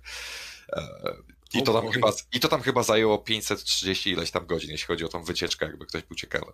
Ale um, po prostu chodzi o to, że niektóre, niektórzy są zwyczajnie zaniepokojeni tym, że wydawcy zaczynają się chwalić e, tym, że ich gry są zwyczajnie cholernie i to idiotycznie długie. No bo umówmy się, ale mało która gra trwa 500 godzin, ok? A to nie jest tak, że gracze sami tworzyli sobie e, takie, wiesz, E, jak to się nazywa? E, w sensie, jak gra jest na 6 godzin, to ja za 200 zł jej nie kupię. Gra nie, no to tak. musi właśnie mieć 120 tak. godzin, bo wtedy przelicznik złotówka do e, minuty gry to jest w ogóle kosmos, nie? I tak powinno się robić gry. W sensie, no, sami jesteśmy sobie troszkę winni, że może to tak wyglądać, jak, jak, jak teraz to jest prezentowane, bo znam realnie ludzi, którzy tak do tego podchodzą i nie jest ich mało takich głosów. I Ale to, wiesz, to zależy od gry tak naprawdę, bo są gry, które no 6 godzin to jest wystarczająco, a są gry ja takie jak tak właśnie uważam. wiesz, GTA czy Dayland, które no 6 godzin to jest żart, nie? I to Co? Jest... Nie. Co? Ja się nie zgodzę. Jakby zrobili ja takiego li liniowego Dying Lighta, tylko że z ciupkę innymi mechanikami, wiadomo, no bo większość w tym oryginalnym Dying Lightie jest oparta właśnie o otwarty świat, czytaj zbieranie zasobów i inne główne. E, gdyby zmienili kilka mechanik i zrobili z tego taką e, wysoko adrenil, adrenil, stawiającą na adrenalinę, tak, adrenalinę, tak, znam, e, umiem powiedzieć to słowo, nie potrzebuję pomocy, Badel, okej? Okay? Tylko się zgrywałem, okej? Okay? Chciałem, abyś poczuł się ważny. Więc tak, um, jakby to skondensowali do 6 godzin, ale postawili na akcje, akcje, akcje i w cholerę zombiaków, bla, bla, bla, bla, bla, no to myślę, że to by mogło wyjść, umówmy się, większość gier o zombiakach pokroju Resident Evil albo The Last of Us, no właśnie trwa tak w okolicach od 6 do 10 godzin. Mhm. Ukończenie takiego Resident Evil 3 remake to jest chyba właśnie 5-6 godzin, tak? Dokładnie. Dlatego ludzie byli niezadowoleni. To prawda też, ale no, w przypadku innych odsłon przejście Resident Evil 7, e, Resident Evil 8 i tak dalej, i tak dalej, też nie zajmuje jakoś specjalnie długo. Fani w przypadku remake'u trójki narzekali bardziej na to, że nie ma żadnych opcjonalnych aktywności, czytaj jakiegoś trybu Mercenaries, czyli trybu hordy w uproszczeniu bardzo dużym dla tych, którzy nie wiedzą. Albo, e, albo jakiejś kampanii z inną postacią, bo na przykład w takim Resident Evil 2 możesz przejść grę jako Leon, ale możesz też przejść grę jako e, Claire. Więc to dodaje takie replay value. O, właśnie o to chodzi. Jeśli gra jest krótka, no to fajnie by było, jakby miała replay value, czyli jakiś powód, dla którego mógłbyś ją przejść drugi raz i mieć taką samą satysfakcję. Spora część roguelike'ów y, ma bardzo duże replay value i jak się je ogarnie, to są dosyć krótkie. Mm, no. Dlatego są niesamowicie trudne, żebyś nie przeszedł ich w 5 godzin, nie? No tak, ale są też gry, tak jak na przykład te od Telltale Games, które są bardzo krótkie, ale możesz się przejść kilka razy i zobaczyć, co zmieniają poszczególne decyzje. To mhm. samo z Oxenfree albo z grami Davida Cage'a pokroju. Beyond Two Souls albo Detroit Become Human. Jeszcze tylko e, wejdę ci w słowo Kiwaku, bo moja Agata teraz gra w Oxenfree i yy, wczytał się save z mojego przejścia tej gry i wiesz, że jest jakiś dodatkowy content? Serio? Jak się przechodzi drugi raz, to yy, pytało mi się, czy zachować oryginalną linię czasu, i odblokować dodatkową zawartość jakąś tam. What? No to właśnie jak, o to Jak przejdziesz grę i weźmiesz continue, to ci się pyta, czy chcesz zacząć od nowa, e, czy coś w tym stylu. No nie, nie pamiętam dokładnie, ale y, można było kontynuować z nową zawartością, y, z zachowaną linią czasu, albo y, iść od nowa. To tyle chciałem I dodać. Właśnie, I właśnie o to mi chodziło. W sensie Oxenfree jest na 4 godziny, ale najwidoczniej możesz przejść drugi raz i nie tylko wybierać inne decyzje, ale też doświadczysz jakiejś nowej zawartości, więc masz powód, aby doświadczyć tej 4-godzinnej gry kolejny raz. I w ten sposób czas gram ci się wydłuża do 8, mhm. albo dla niektórych pewnie nawet 12, no bo niektórzy przejdą tą grę więcej niż dwa razy, tak? Zobaczcie tutaj na czacie, Neon Blow pisze, gra powinna trwać w zależności od rodzaju i schematu. Ważne, żeby nie było powtarzalności, która psuje zabawę, a, wydłuż, i, a wydłuża y, grę o dziesiątki godzin. Zgadzam się. Zgadzam tak. się. No, podsumował, przechodzimy Serio. do następnego tematu. Już koniec zabi, zabił cały temat do dyskusji, jak mogłeś? Tak szczerze. No, blog, dzięki. E, Serio. Ja się z tym zgodzę, ale są pewne wyjątki. Nie zawsze mm. krótka gra musi mieć regrywalność, żeby była dobra.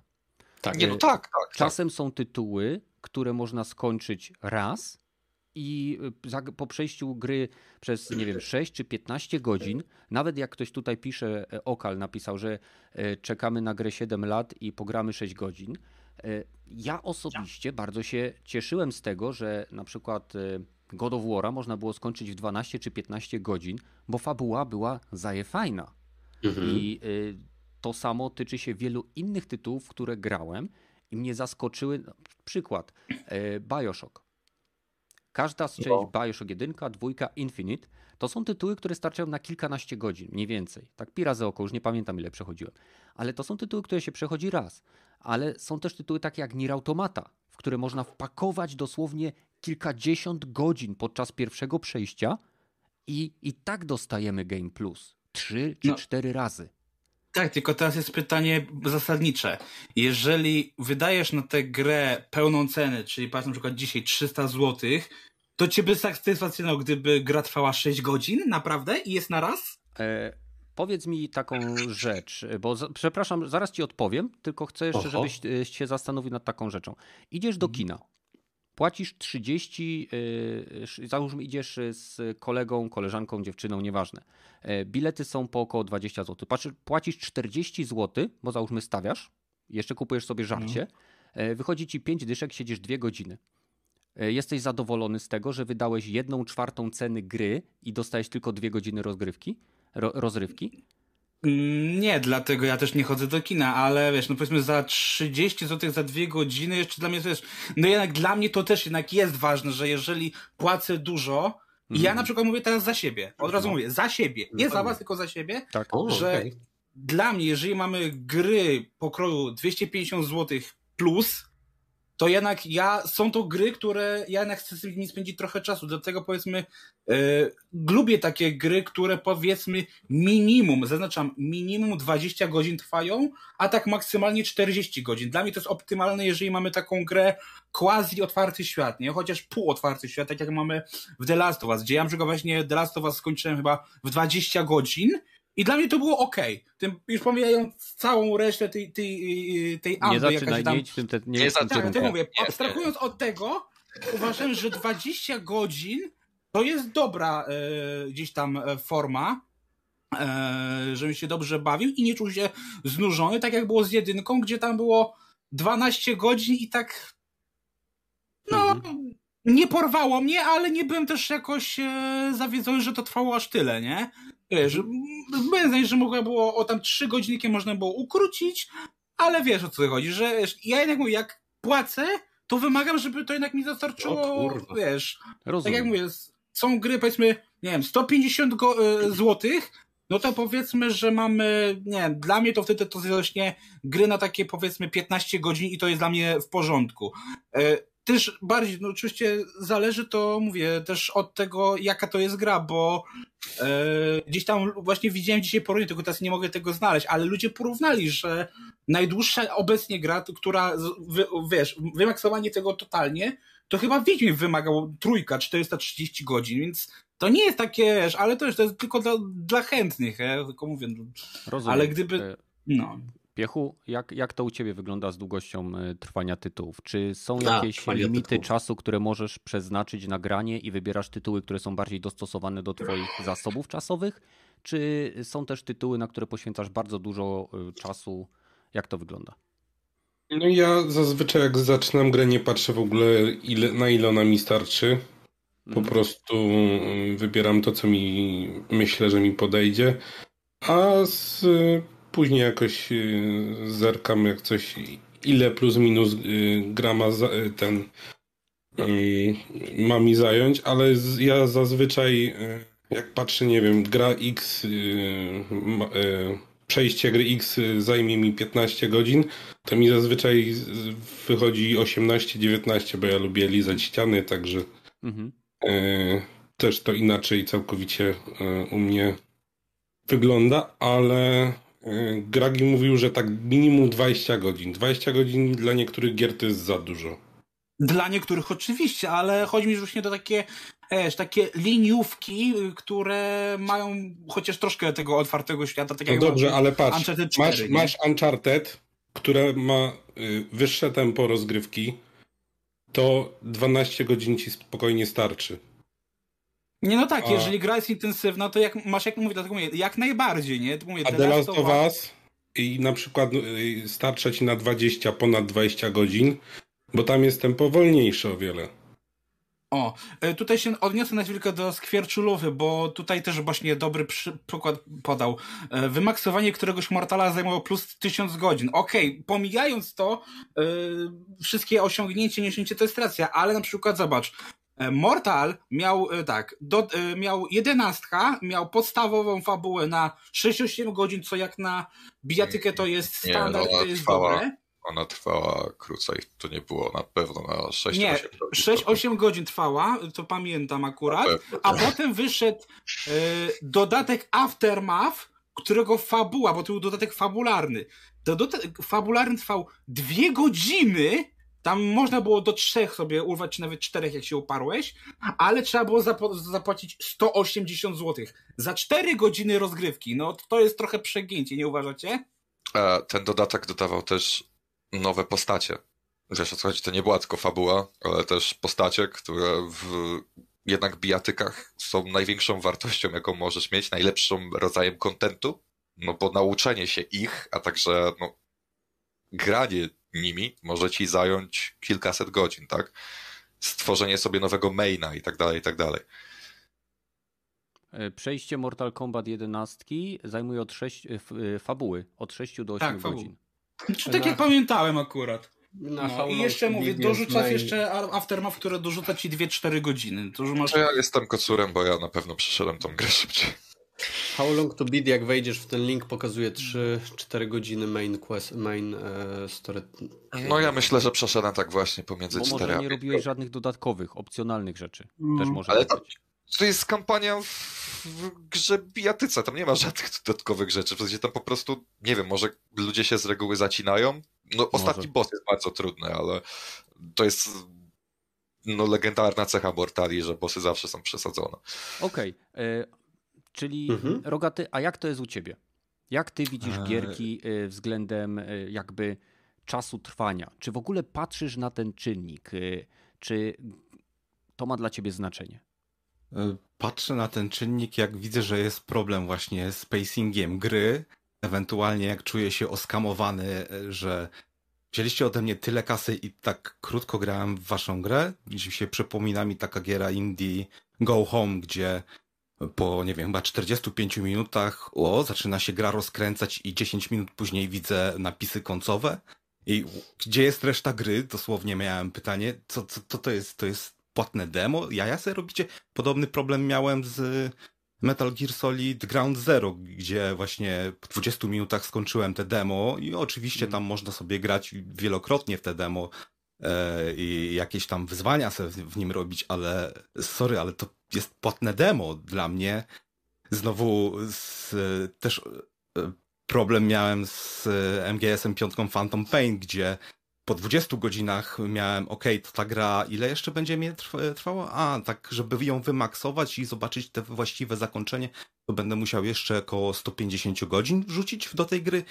Nie, dziękuję, tutaj e, strasznie, no, nie, nie będę zrzucać na Kojim, bo wiadomo, że został tam odepchnięty od projektu pod koniec e, produkcji i to nie jego wina, że została... Wina. To jest e, absolutnie jego wina, bo on bardzo wiele rzeczy w swoich grach, które mają aspekt sieciowy, uzależnia od e, działania społeczności graczy i niektóre zakończenia w metalu można było tylko zobaczyć, jeżeli społeczność jako całość dokonała pewnych rzeczy. No, w sumie masz rację. To, to, to... No, ale mi bardziej chodziło o to, że jako single-playerowa gra była moim zdaniem rozciągnięta do granic możliwości. Dla niektórych może było to zabawne, żeby robić po pięć razy tą samą misję w kółko i to samo. Dla mnie to zupełnie nie było za, za po prostu y, nie da się, nie, nie mogę zdzierżyć takiego leniwego designu w, w niektórych grach, nie? Ale jak się jest y, ale to jest e, osobiste odczucie, bo nie wiem, mam kumpla, który ponad 350 godzin ma w Wiedźminie Trójce i ma 99 achievementów. Ja mam może z 200 godzin, mam 9, nie wiem, 94 tych achievementów i nie mam, nie chce mi się już e, tych, tych ostatnich e, achievementów robić, ale mam także, o, a, po, pobie, pobiegam sobie po Skellige tylko po to, żeby sobie pobiegać po tym świecie, bo, bo fajnie wygląda, nie? Tak, to zależy bardzo od poszczególnych gier byleby właśnie to nie było robione na zasadzie um, obsramy całą mapę w otwartym świecie znajdźkami, jak to było w niektórych e, grach od Ubisoftu, tylko po to, żeby sztucznie wydłużyć e, rozgrywkę. W sumie, a ewentualnie e, móc to właśnie zmieniamy pacing gry, aby móc potem sprzedać e, XP boostery, czy tam jakieś pomyjacze do swojej gry. To mnie najbardziej w grach wkurza, jeżeli chodzi o timing, że najpierw robimy naszą grę boleśnie nudną, a potem sprzedajemy wam e, boostera, żebyście mogli w nią mniej grać. To, to w Assassinach się zaczynało kłaniać w taki sposób, że No. Pamiętam, chyba w Originie to było pierwszy raz tak, czy, czy mm. w tym następnym było tak zrobione, że mm, dla niektórych, dla ludzi, którzy kupują jedną grę na, na rok, no to to nie ma żadnego e, problemu, że właśnie wartość, o, mogę ponad 300 godzin przy tej grze spędzić, no to warto wydać te 300 zł, to, ale powinno się robić tak gry, żeby, okej, okay, mamy tyle e, gameplayu i tyle historii, żeby było da, dało się grać w nią z przyjemnością, a nie, że okej, okay, to jest tak jakbym szedł do pracy, nie? No to do, jak się zaczyna twoja gra robić z tego e, taki wymóg, że o, no, jaki slog, zagram, żeby czegoś nie stracić, kuziu. No, zagram, żeby czegoś nie stracić, albo zagram, dobra, wymaksuję ją, żeby mógł powiedzieć, że ją wymaksowałem, ale w sumie to nie sprawia mi żadnego przyjemności, to twoja gra nie jest dobra, jeżeli robisz to w ten sposób. Mhm. E, na pewno zauważyliście, na czacie wskoczył kodzik z Jedi Fallen Order. Dzięki piechu, że mi przypomniałeś. Kody są od piecha, e, także kto pierwszy, ten lepszy na Originie. E, będą jeszcze dwa kody na tą grę, także trzymajcie kciuki. I tutaj myślę, że Rogaty bardzo dobrze też w pewnym sensie podsumował, tak jak nasz mm. kolega Neon Blow wcześniej, że z grami jest troszeczkę jak z innymi mediami. Są rzeczy, które są skrojone dobrze, zarówno książki, jak i filmy, jak i gry, które mogą być grube, jak książki, e, dobrze mieć dobre tempo, jak filmy i dobre elementy, dobrą pętlę rozgrywki, jak e, właśnie gry. I od bardzo wielu czynników to zależy. Nie każda gra, mimo że może być dla jednej osoby tak jak dla nie wiem, Gragiego. Może być jakiś tytuł skrojony, że jemu akurat siada wszystko, co tam jest i on może zagrywać się w niego bez końca. Ale na przykład e, sięgnę po ten tytuł ja i się od niego odbiję. Więc nie ma takiej jednej, myślę, metody ani żadnego przepisu, żeby stworzyć grę, którą będą lubili wszyscy.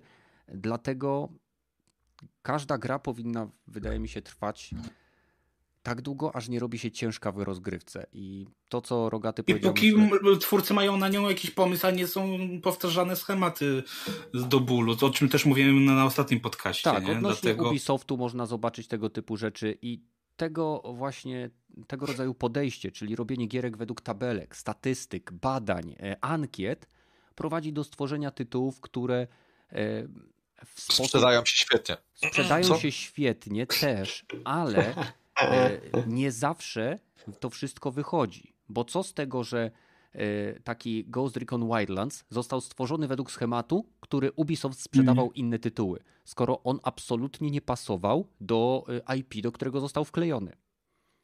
A wiesz, że współcześnie ludzie wracają z nostalgią do Wildlands, bo widzą czym jest Breakpoint i ten A to jest oczywiście. Royale, który, zagło- który ogłosili. na tym ludzie etapie ludzie, ludzie tęsknią za grą, którą kiedyś nienawidzili. To jest piękne. To jest piękne. No, to mówię, nie jest piękne. To nie, to jest piękne, bo to pokazuje, że idziemy w bardzo złym kierunku.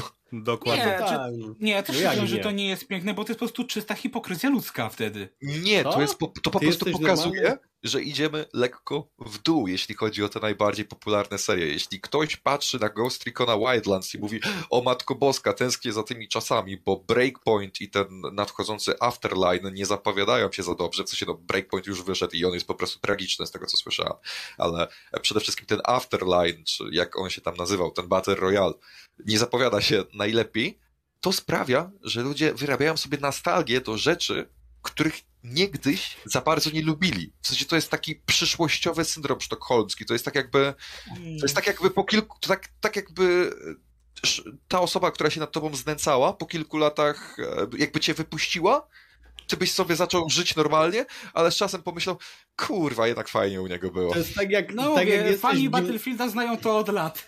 Tak. To jest tak, jak idziesz do. E, e, jesteś w gimnazjum i napieprza cię taki wiesz, osiłek, ale później idziesz do liceum i tam e, jest inny Jeszcze osiłek, większy. ale on jest dwa razy większy i dostajesz dwa razy większy łomot i wtedy sobie. Myślisz, w prawdziwym życiu.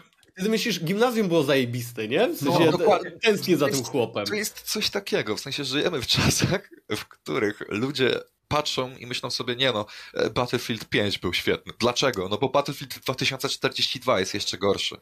Za dwa lata to samo będziesz mówił o 2042. E, no, trzymam, trzymam kciuki, że nie, ale no prawdopodobnie tak.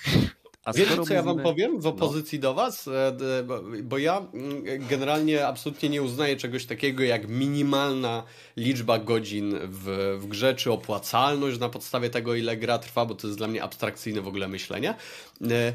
Ja w gry, które e, sprawdziłem sobie przed chwilą na streamkach, graliśmy e, sobie w mm, Little Nightmares 2. Za te gry wywaliłem prawie 300, bo chyba 289 zł, co prawda w edycji kolekcjonerskiej, no ale dalej to były te pieniądze, nie? E, ta, ta gra trwała 5 godzin. W sensie na streamie, więc gadanie i tak dalej. Ja ją ograłem w 5 godzin. I wiesz co?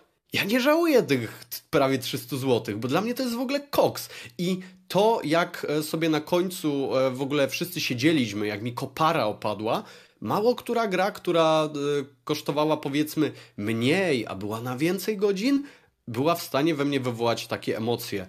Dodatkowo Brothers Tale of Two Sons, nie wiem, głupie od tej Tale, jak to się nazywa? Mm, nie Walking, Walking Dead, tylko nie, Game Batman. of Thrones. To było w ogóle też e, przekozackie e, doświadczenie w mojej opinii i domyślam się, że nie wiem, gry typu Limbo, gry typu Inside. E, Zagraj w nie do cholery. Zagraj w Inside, okej? Okay? Te wszystkie gry wydaje mi się, że spokojnie możemy za nie wydać powiedzmy dużą kasę i nie czuć się rozczarowani, jeżeli tylko będziemy chcieli dostać od gry nie długiego gameplayu, nie y, opłacalności i w takich kategoriach, tylko będziemy chcieli dostać to, co chcą nam zaoferować po prostu autorzy. Doświadczenie. I, dokładnie. I dla mnie tak się powinno patrzeć na gry, bo inaczej, kurczę, może być różnie, nie? W no, ale takie to, gry nie, też są nie, nie, nie, mój drogi. To wiesz, ty jesteś, jako ty jesteś graczem i ty masz swój określony gust, a nie jest tak, że ty się dostosowujesz do tego, co twórca chce. To twórca macie przekonać nie, do dobra. tego, że jego gra jest warta twojego czasu. Hmm. Po prostu chodzi o to, że ludzie powinni kupować gry, którymi są zainteresowani, ale powinni być nimi zainteresowani nie dlatego, bo jakaś gra ich e, im zapewni rozgrywkę na 500 godzin, tylko dlatego, bo interesuje ich zamysł tej gry, to o czym ona jest, to jaki jest gameplay, to jaki jest świat przedstawiony, to jaka jest fabuła, to jaka jest oprawa wizualna. Ludzie powinni Nawet być muzyka. zainteresowani grą i jej jakością, a nie tym, że a nie ej, czasem trwania. Tom zagram 120 godzin, no to lepiej kupić tom, aniżeli tom, w którą zagram 20 godzin, nie? No i w ten sposób ludzie kupują, nie wiem, Assassin's Creed Valhalla, zamiast zagrać w jakieś tytuły, które zbierają pozytywne, o wiele bardziej pozytywne opinie, tak? Wszędzie, z każdej strony. Mhm. Myślę, że to dobrze podsumowywuje. No. E, ja chciałem temat. powiedzieć, jebać Ale e, długie gry. Jebać długie gry. Tyle. To jest mój brzeg. To jest e, początek i koniec. To jest rzeka na 50 To jest źródło i to jest ujście. To tak. jest alfa i mhm. omega. To jest battle. Tak. E, przechodzimy teraz do kolejnego tematu. E, przecieki, plotki i e, informacje na temat remake'u The Last of Us oraz sieciowej, sieciowego trybu The Last of Us Factions. Mamy informację, że podobno tytuły, zarówno jeden, jak i drugi, są bliskie skończenia i mogą się pojawić już w tym roku. Oczywiście pod koniec, więc to jest informacja taka, że. Co? Poczekaj, co? Czy The Last of Us remake? Tak. tak, pierwsza część, robią remake, nie słyszałeś. Nie pamiętam. A to nie było, to nie jest tak, że pierwsza część dostała remaster. Re... Remaster. To jest potrzebny remake? Y, Rogaty, y, oddajemy głos tobie. Czy to jest potrzebny remake? Dla Sony? Tak. tak. Pieniądze. Dla Naughty Dog też, bo po ich ostatniej wtopie to też im się przyda, żeby trochę udobroczyć Jakiej wtopie? Jakiej wtopie? I nie odpowiadaj, nie odpowiadaj, nie, nie, nie, nie, nie, cicho, cicho, cicho, cicho. Weź go tam zbanuj czy coś. To zaraz tak. wyciszę. Wyciszmy. Rogaty, no kontynuuj. To... Nie no, z punktu widzenia Sony, no to rzeczywiście muszą coś wydać, bo e, następny projekt nie od Naughty Dog w ogóle nie jest zapowiedziany. Nikt nie wiadomo, nie wiadomo co to będzie za projekt, nie wiadomo kiedy powstanie, więc e, e, no nie wiem, tak jakby od tych wielkich studiów Sony, no to w tym roku będziemy mieli dwie albo trzy, albo cztery projekty i potem E, Naughty Dog jako, jako pierwsza liga też nie zapowiada się, żeby ich następny tytuł zbyt szybko się pojawił. No to w międzyczasie zróbmy jakiegoś remake'a, nie? Tylko, że e, dziwi mnie, okej, okay, robimy remake'a i jeszcze robimy e, multiplayer do dwójki. To ma być osobna gra. Osobna to gra. ma być osobna, okej, okay, osobna gra, czyli free to play. Znowu, E, znowu podzielimy społeczność pomiędzy remake'iem multiplayera, który pewnie, e, czy albo tym razem multiplayer, nie, remake nie będzie? Sony w remake'ach nie daje trybów multi. Mm, czy, czyli... E, o, tych wiedziałem. które do tej pory... Wybrakowany remake. Wybrakowany remake, dziękuję. Właśnie o to chyba chodziło, że... A wiesz, jaką e, mogą zrobić grę? Kojarzycie taki serial Downtown Abbey? Nie. To Abbey to dobrze mi się Słyszałem, kojarzy. ale, ale mm, musiałbyś mi przypomnieć, ale... Na VR e, Dobra, Kiwaku, ty, jak ty myślisz właśnie o tym? Bo ty jesteś e, niesamowicie Jest święcie obra... Tak, jesteś fanem, ale też byłeś niesamowicie święcie obrażony tym, że e, Halo Infinite nie ma wszystkich trybów, a tutaj dwa lata po tym, jak e, Jeśli... E, Last of Us dostanie e, multiplayer, które powinno być w oryginalnej grze, nie, nie przeszkadza ci to zupełnie. Mm, ujmę to tak, ja jestem osobą, która nie miała nawet okazji zagrać w tryb Factions, ponieważ zwyczajnie nie byłem nim zainteresowany. W sensie widziałem, jak ja ludzie też. w nim grają. Znam osoby, które w niego grały, tak? Mam znajomego, który przegrał w nim w cholerę meczy. No, e, po części dlatego, ale... bo chciał wbić platyna i tak dalej, i tak dalej. Też po części dlatego, bo mu się strasznie podobał. Ja osobiście nie grałem w Multika, ale też jestem w stanie przypchnąć na to oko po pierwsze dlatego, bo nie grałem, a po drugie dlatego, bo The Last of Us 2 jest cztery razy większe, jeśli chodzi o długość niż e, poprzednie odsłony. W sensie The Last of Us 1 było na 10 godzin, a The Last of Us 2 mi osobiście zajęło 40 godzin. E, więc ja osobiście lizałem każdą ścianę i no, cieszyłem się tą grą jak najdłużej, bo nie chciałem, żeby się skończyła, więc ten wynik jest ciupkę zawyżony, ale no, e, długość była niesamowicie większa. Więc no mi mm. osobiście to tak.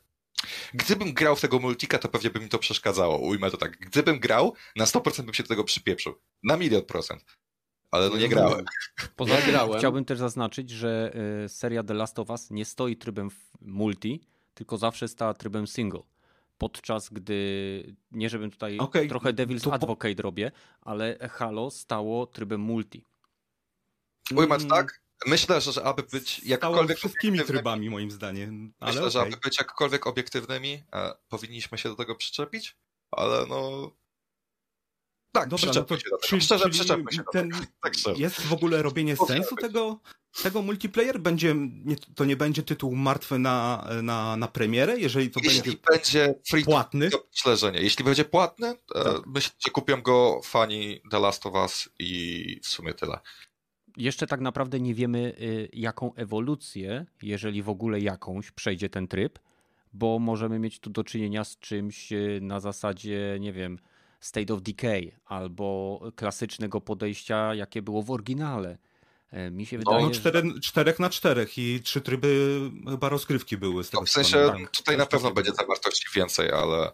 I te frakcje, jakiś tam e, jak, ogólność, taki jakiś postęp we świecie były, ale nie jestem pewien, jak Miałeś to jakiś obóz, rozwiązane. Y, musiałeś utrzymywać Dokładnie, no. swoich ludzi, można było nadawać z tego, co pamiętam, nawet imiona. E, tak? Zmieniać chyba. Na pewno? Nie jestem pewien, bo grałem dosłownie 2-3 mecze i stwierdziłem. Generalnie tam chodziło o to, że. dali do tej gry. Był fajny. Ja, ja był osobiście fajny. uważam, że zdecydowanie ciekawszy był Multik w Uncharted i w niego tak. właśnie grałem w, zarówno w dwójkę, jak i w czwórkę, więc no ja jestem bardziej fanem tego szybszego multiplayera od Naughty Dog, który po prostu stawiał na e, dużo, bardzo dużo piw-paw e, w krótkim czasie.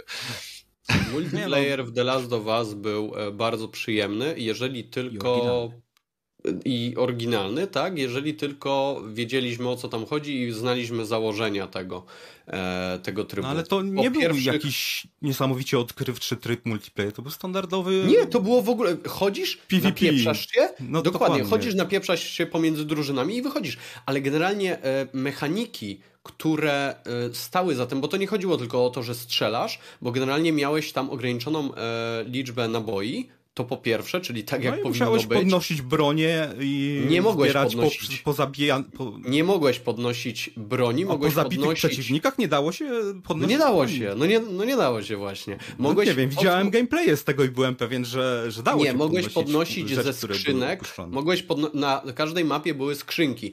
E, biegłeś do tej skrzynki, podnosiłeś surowce, e, surowce, e, z surowców mogłeś wytwarzać e, broń, która była OP, to znaczy e, koktajle Mołotowa, mogłeś sobie robić broń ulepszoną, czyli generalnie mogłeś sobie powbijać gwoździe do deski, mogłeś robić te bomby wybuchające i dopiero zgranie się z drużyną bo ten tryb niesamowicie stawiał na komunikację i dopiero zgranie się no jak z większość drużyną... multiplayerowych gier, no ale okej. Okay. No, zależy, nie powiedziałbym, nie powiedziałbym. No, w Call of Duty możesz biegać jak kurczak bez głowy i po y, prostu nabijać no. dużo fragów i wtedy no, grasz tak. teoretycznie sam. Doom, Quake. też nie wymagasz e, trybu głosowego, nie? W sensie Mimo, że jest są od tego odstępstwa, ten bardzo mocno na to stawiał i w momencie, gdy e, faktycznie udało ci się znaleźć takich zapaleńców, a w pewnym momencie tam było dużo tych zapaleńców i tylko tacy grali, e, to dało się naprawdę fajnie w to, e, w to pograć, a jego założenie, to znaczy ten obóz, o którym mówiłeś, z każdej wyprawy musiałeś przynieść jakieś surowce, żeby twoja, e, powiedzmy, osada jakkolwiek e, przeżyła. To tam wtedy było bardzo nieczytelnie, moim zdaniem, przedstawione e, i mam nadzieję, że to zostanie usprawnione w tym, w tym trybie, mam nadzieję, darmowym. To, co dla mnie zabiło troszeczkę tę grę już na poziomie, gdy ja w nią, powiedzmy, wchodziłem, a nie wszedłem w nią od razu, to były mikrotransakcje, bo mogłeś sobie kupować w PlayStation Store nie tylko skórki, ale mogłeś sobie kupować niestety broń i to, to, to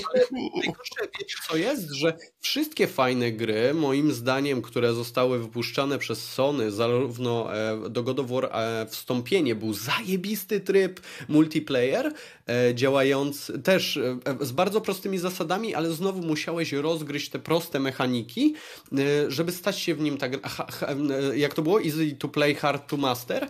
Dokładnie, no okej. Okay. I w ten sposób zarówno multiplayer do Gowa, jak i ten działały. I w momencie, gdy to pojąłeś, wiedziałeś o co tak naprawdę chodzi.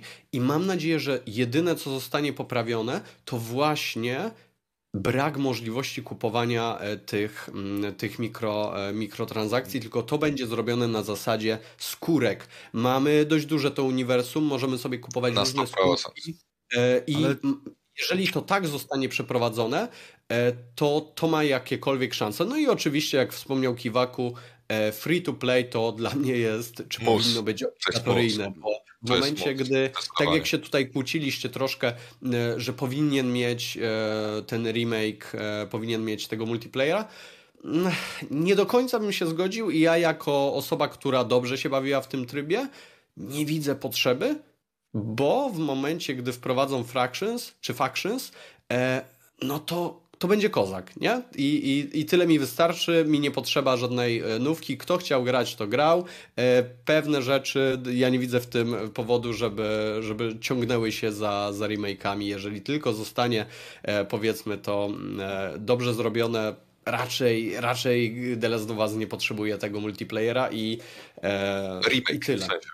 Ta, tak, The Last of Us Remake nie potrzebuje tego multiplayera, bo no bo umówmy się, to nie okay, jest to, to, The Last of Us. Co, to ciekawi mnie, co by musieli zrobić, żeby ten free-to-playerowy dodatek mhm. do dwójki miał jakiś e, dłuższą żywotność niż 3 miesiące, gdzie tak zazwyczaj gry na hmm. PlayStation od, e... od Sony właśnie mniej więcej tyle, tyle żyją multiplayerowe. Nie, no, nie powiedziałbym, że hmm. żyją. Większość gier od Sony ma oddane społeczności, tylko one po prostu są małe. To nie są heavy hitery pokroju, nie wiem, GTA Online, Fortnite'a, Apexa i tak dalej, i tak dalej, ale no, to są gry, które możesz sobie odpalić i tam zawsze będą gracze, z którymi będziesz mógł grać. To nie jest tak, że czekasz 500 lat, aż mecz się zacznie, tylko klikasz, czekasz czekasz kilkanaście sekund i zaczyna ci się mecz i tyle. W sensie... O, chciałbym też jeszcze to... powiedzieć, że jeśli chodzi o gierki multiplayerowe od Sony, to do tej pory większość z nich była za, za, zablokowana za paywallem.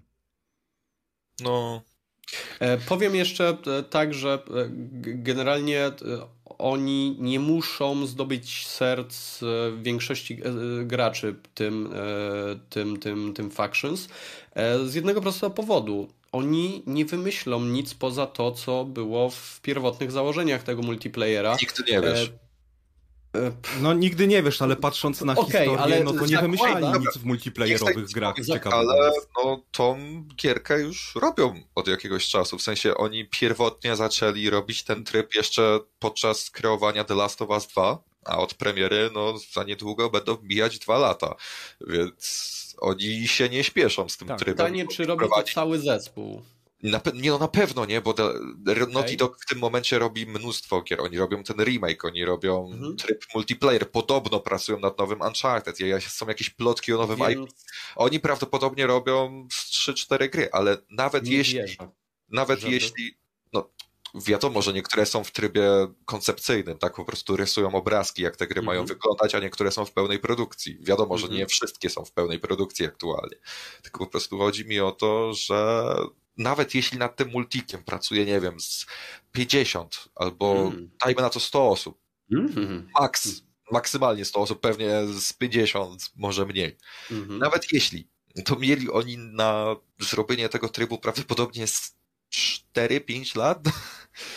W sensie Wiesz, to jest e, sporo, zrobienie, czasu, zrobienie, multi, zrobienie multiplayera, który jest prosty w swoich założeniach, może być o tyle trudne, że tam każda miejscówka musi być przemyślana, bo w momencie, gdy masz e, ile? Tam czterech na czterech, no to generalnie zbalansowanie mapy, tych map musi też być, czy fajnie by było, żeby było trochę. Może myślą nad modelem transakcyjnym, e, tych mikrotransakcji, może myślą e, oczywiście nad tak. tym, jaka, jak broni, jak system progresji powinien się roz, rozgrywać. Może oby tak naprawdę e, zrobili coś z tym, e, z tym opisem tego, czyli, czyli tym graficznym odwzorowaniem naszego obozowiska i Poza tym nie wydaje mi się, żeby nad tym pracowała jakaś duża liczba osób.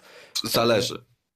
Nie, nie, nie. Ja mówię tylko, wiesz, z mojej perspektywy, bo jeżeli to ma być oparte na takich zasadach, jak sobie powiedzieliśmy, i to ma być e, taki swego rodzaju remake, remaster tego, co widzieliśmy, to raczej bym na to nie stawiał. Chyba, że szykuje się no, taka rewolucja, nie? a nie ewolucja, no to wtedy e, super i wydaje mi się, że wszyscy skorzystamy, sko skorzystamy, ale patrząc na to, co tutaj sobie powiedzieliśmy, że ten tryb zarówno ten, jak i reszta e, trybów multiplayer do gier, e, głównie singlowych Sony, nie cieszyły się dużą mm, popularnością.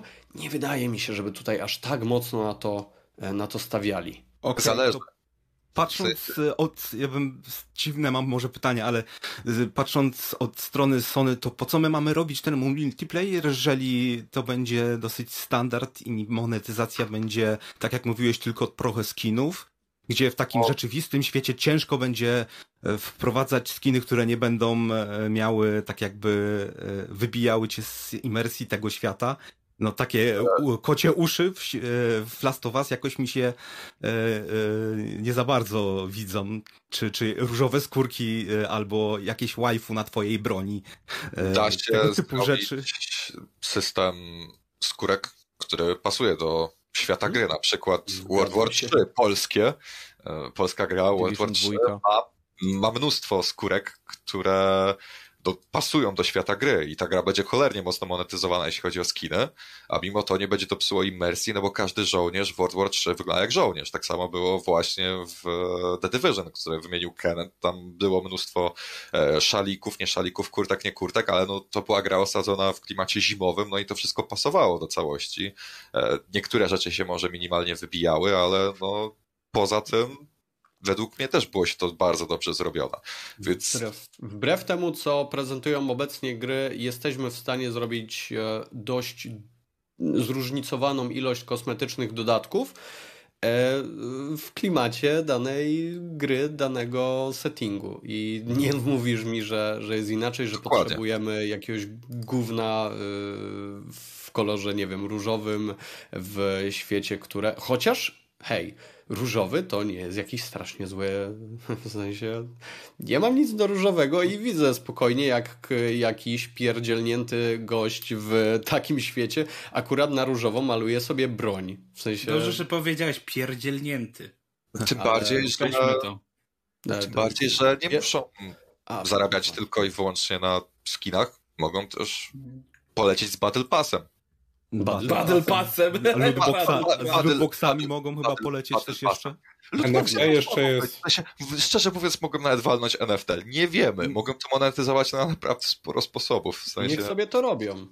Jeśli gra będzie free to play, tak. Jeśli gra będzie free to play i będzie dobra, niech sobie to monetyzują jak chcą, byle to nie było pay to win. Myślę, że z każdym. Tak, tak, tak, tak, tak, tak. Mi się wydaje, że niezależnie od tego, ile osób pracuje nad tym tytułem, e, ważne jest, żeby on miał jasno określone ramy i skupienie na tym, w czym Naughty Dog e, dało radę w poprzedniej części. Bo e, powodem wycięcia, niby rzekomym powodem, bo to, to nam powiedzieli, na tym możemy się oprzeć. Jak było, to się dowiemy pewnie z artykułu Jasona Schreiera, który pewnie kiedyś wyjdzie. Nowej książki. Nowej książki, dokładnie.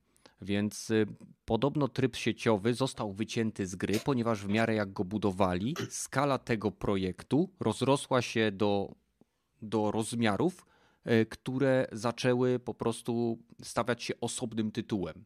Więc nie wydaje mi się, że tak jak Rogaty y, jakby z, sparafrazował to, co powiedział Badyl, że będzie to standardowy tryb, taki jak widzieliśmy w poprzednich częściach.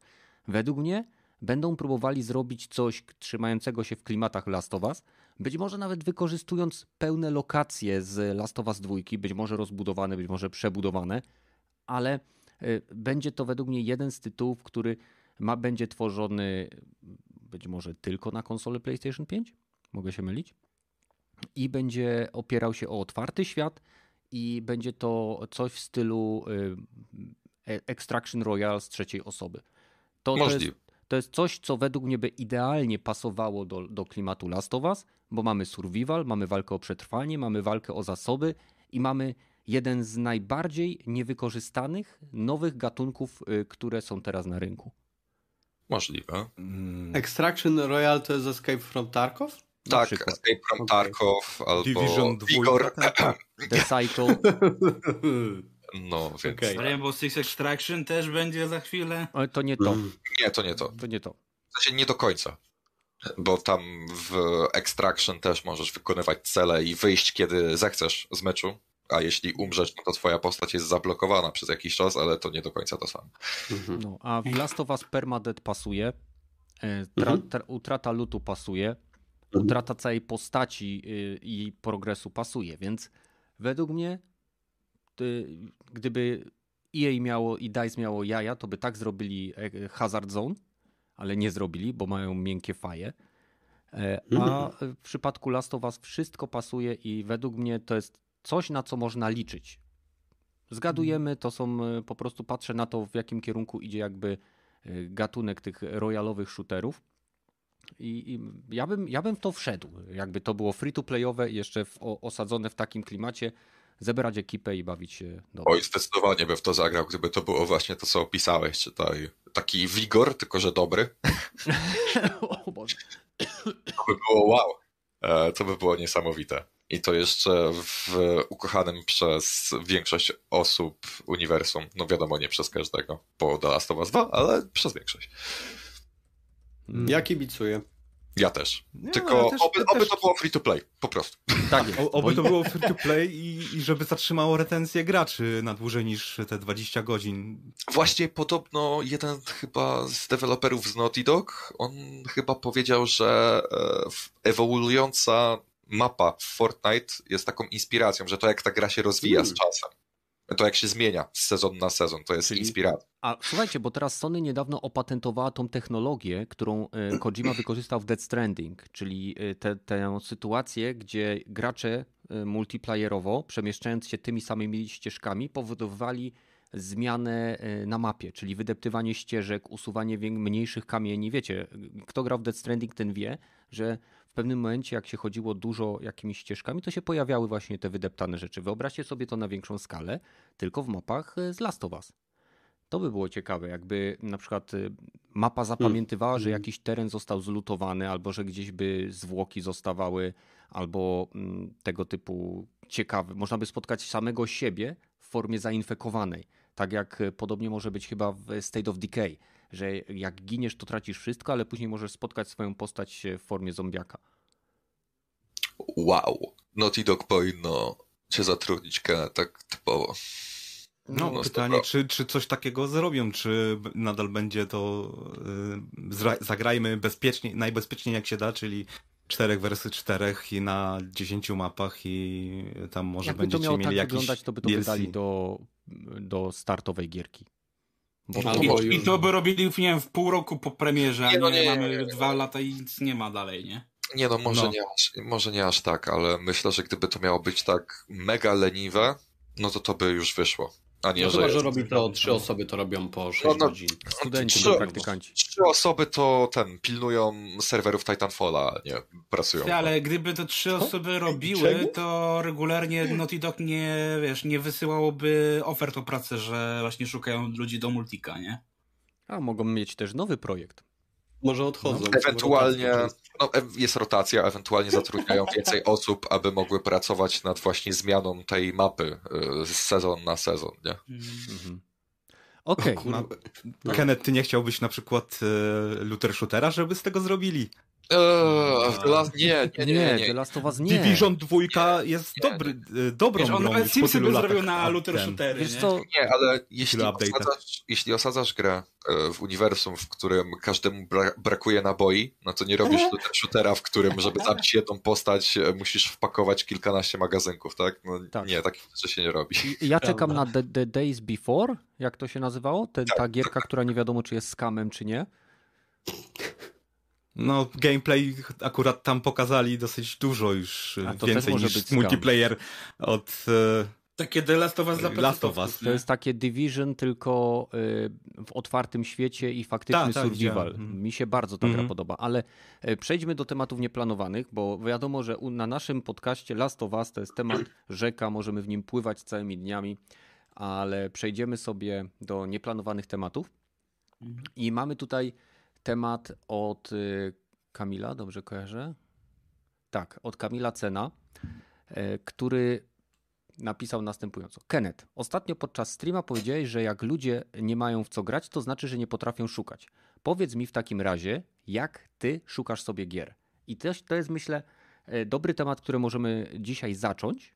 Jeśli będzie na niego zapotrzebowanie, to być może z inną ekipą, w innym składzie wrócimy do niego w jakimś innym podcaście, jak nie będzie tematów i potrzebny będzie tak zwany zapychacz. A tymczasem e, odpowiadam Ci, Kamil, Wy też się panowie zastanówcie, zaraz będziecie mówić. E, jeśli chodzi o to, w jaki sposób szukam sobie gier, ja generalnie wiem, jakie gatunki mnie kręcą. Tak? Uwielbiam lutery, uwielbiam RPG, uwielbiam shootery pierwszoosobowe, uwielbiam boomer shootery, e, uwielbiam roguelike'i, ale specyficzne. Nie mogą to być takie bardzo ciężkie roguelike'i i uwielbiam gry kooperacyjne. Jeśli szukam sobie nowego tytułu i wiem, co mnie interesuje, to jestem w stanie sobie e, poszukać tych tytułów na początku w Google, czyli na przykład e, szukam sobie na YouTube albo e, w przeglądarkach, albo nawet na Steamie jakichś tytułów, które mogą mnie zainteresować i później sprawdzam, czy są na platformie docelowej, na której gram. Nie ma w tym żadnej dodatkowej filozofii. Często jak znajdę tytuł, który wydaje mi się ciekawy, to zobaczę sobie z niego gameplay, zobaczę sobie E, jak e, jeśli pojawiła się jakaś recenzja e, lub opinia, zazwyczaj od kilku tak naprawdę streamerów, których zdanie w miarę szanuję. Jest to kurczę, nie pamiętam. So, wybaczcie, ale nie pamiętam nazw anglojęzycznych streamerów. Ich szanujesz? Nie, nie, wiesz co, szanuję ich opinię, Ninja. ale nie, nie pamiętam tak z głowy, bo to są kanały, które ja mam w obserwowanych od lat i nawet mhm. się nie zastanawiam, wiesz? E, więc e, tak to mniej więcej u mnie wygląda. Nie ma tutaj żadnej magii, po prostu poświęcam czasem kilka godzin czasu, jak, jak mam hmm. e, ochotę w sobie w coś zagrać, żeby znaleźć sobie grę. Nie zawsze to jest jednego dnia, czasem przez dwa dni, po pół godzinki, po 15 minut szukam czegoś i, i tyle. Na przykład teraz mam ogromną ochotę zagrać sobie w taktyczną gierkę turową. I wiem, że jak tylko Phoenix Point, wersja Behemoth pojawi się na promocji na PlayStation, to będę tą grę kupował.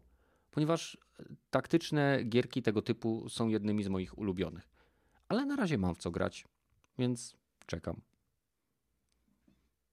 Piechu, w jaki sposób ty szukasz sobie gierek? Znaczy ja tak, yy, zazwyczaj to z roku na rok wiem, że coś mi ominęło i nie miałem albo czasu, albo chęci akurat na, w to grać. Mhm. I często wyhaczam y, na jakichś promocjach czy coś, takie tytuły, no i później do nich wracam.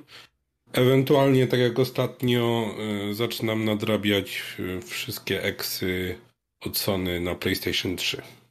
Okej. Okay. Mhm. Rogaty, jak, jak to wygląda u ciebie? E, no w tej chwili takim głównym narzędziem do odkrywania gier to się dla mnie stał Game Pass. Co tam wchodzi w Game Passa to dla mnie jest o zainstaluję sobie i sobie sprawdzę. Ostatnio właśnie tak sprawdzałem tego e, ty Piechu właściwie to, o tym chyba gadałeś w zeszłym tygodniu te... The Gang? The Gang, dokładnie.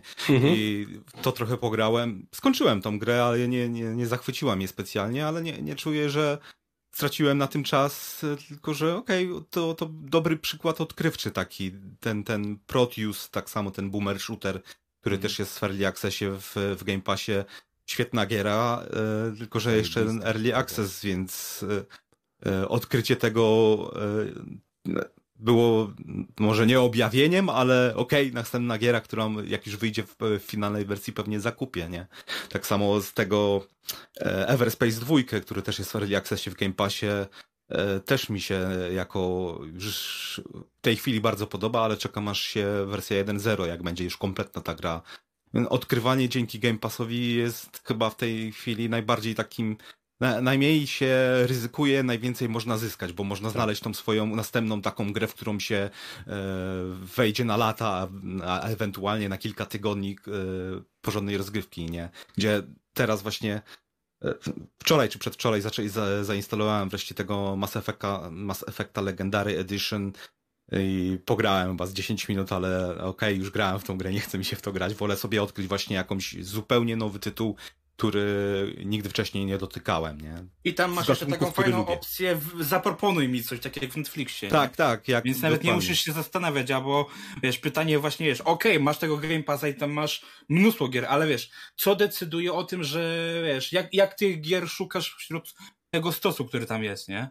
No to tak jak, mówi, y, tak jak mówiłem, gatunki, które mnie interesują, e, czyli te, tak, tak jak Kadent też mówił, boomer shootery, czy shootery, czy strategie, ok, no to ten naj, najlepsze, e, najwyżej oceniane, najwyżej oceniane gry z, z Game Passa i potem, ok, co jest e, najlepiej ocenianym strategią w, no, ten Age of Empires 4, ewentualnie te, te, e, te turowe gierki, co tam mamy, tego Gearsy Tactics, które też są zajebiste, no to to, to sobie pogram, nie?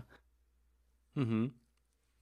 E, co tutaj jeszcze chciałem wspomnieć, bo ty mówiłeś o Game Passie i faktycznie jak się teraz nad tym zastanawiam, to było sporo gier, które normalnie by mnie ominęły, gdyby nie PlayStation Plus. Bo niezależnie od tego, jakie gry są w plusie, ja je zawsze dodaję do biblioteki.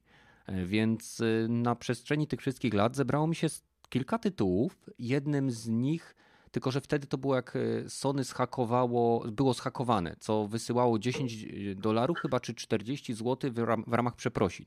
Jako, że ja miałem wtedy konto polskie i amerykańskie, dostałem też 10 dolców właśnie na koncie amerykańskim.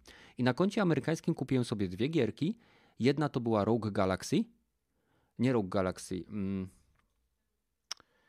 A może to było Rogue Galaxy? Mniejsza z tym. E, bardzo fajny shooter, taki wtedy z trzeciej osoby kosmiczny, a drugą było Oxenfree. I gdyby nie to, że wtedy Sony dało tą kasę, to bym w życiu nie zagrał w Oxenfree, ponieważ na pierwszy rzut oka odrzucała mnie wizualna strona tej gry w tamtym okresie. E, nie wyglądało to dla mnie ciekawie. Dużo chodzenia, gadania. E, była to gra, która by przeleciała koło mnie, nawet bym nie zwrócił na nią uwagę. A dzięki właśnie takim czasem przypadkowym sytuacją odkryłem wiele tytułów, które mi się spodobały. No i te, też tytuły free to play. Praktycznie każdy tytuł free to play, o ile nie widzę, że to jest tytuł przeniesiony żywcem z telefonu komórkowego, zawsze pobieram, zawsze sprawdzam, ponieważ mnie to nie kosztuje nic poza transferem. E, przekazuję głos dalej. E, Kiwaku, jak ty szukasz swoich gierek? Odpowiedź brzmi: Ja nigdy nie muszę szukać gier. U mnie to wygląda po prostu tak, że oglądam wszystkie możliwe pokazy growe, na których te gry są zapowiadane E, później czekam e, pieprzonymi latami, aż te gry łaskawie wyjdą. I kiedy wychodzą, to jest ich tak dużo, że nigdy nie jestem w stanie ograć wszystkich tych gier, które zostały kilka lat temu zapowiedziane.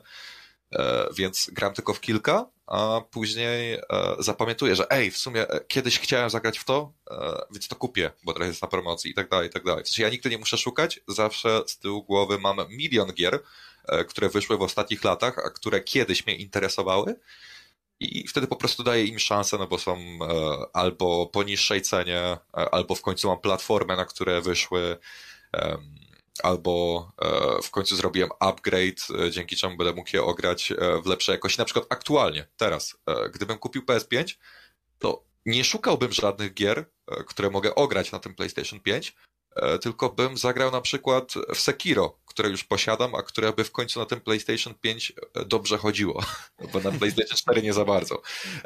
To samo bym zrobił z Resident Evil 2, z The Outer Worlds.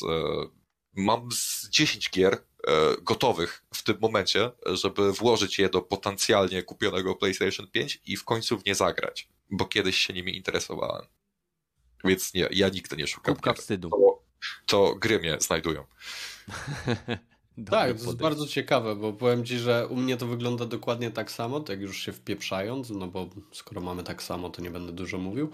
E, I u mnie to wygląda tak, że siedzę na Discordzie, na Twitterze, czy nie wiem, śledzę YouTube'a i przychodzi mi powiadomienie, że wyszła nowa gierka, czy chłopaki na Discordzie piszą, ej, zajebista ta gierka, no i tak patrzę, pierwsze co, to oczywiście weryfikacja. E, Mój styl, nie mój styl, czyli mój gatunek, nie mój gatunek, moja powiedzmy grafika, moja historia, mój setting. Jak mój setting, zapisuję to sobie gdzieś w notatniku. Serio mam taką zakładkę w notatniku w telefonie, gdzie mam zapisane gry, które chcę kupić. Nie, ty jadę. Okej. Okay. Tak e, no i generalnie to, to wygląda tak, to ja że. Ja też muszę zrobić taką, bo ja nie tego mam. jest. Te... No, no, widzisz, Kenneth. Ja to e, mam listę w Wordzie po prostu już ogarnięto. Już no, no, to jest już wyższy poziom. To widzę, że jeszcze nie ktoś powie, że Excela prowadzi, nie? E, generalnie wszyscy to robimy w ten sam sposób. Widzę grę, która mi się podoba, pyk do śmietnika, z, zagram później kiedyś, jak stanie i tak dalej. No i tak to się dzieje. Gry same do ciebie docierają, tylko wiesz, musisz e, zacząć Przekopać je dopuszczać. Się przez tony gówna?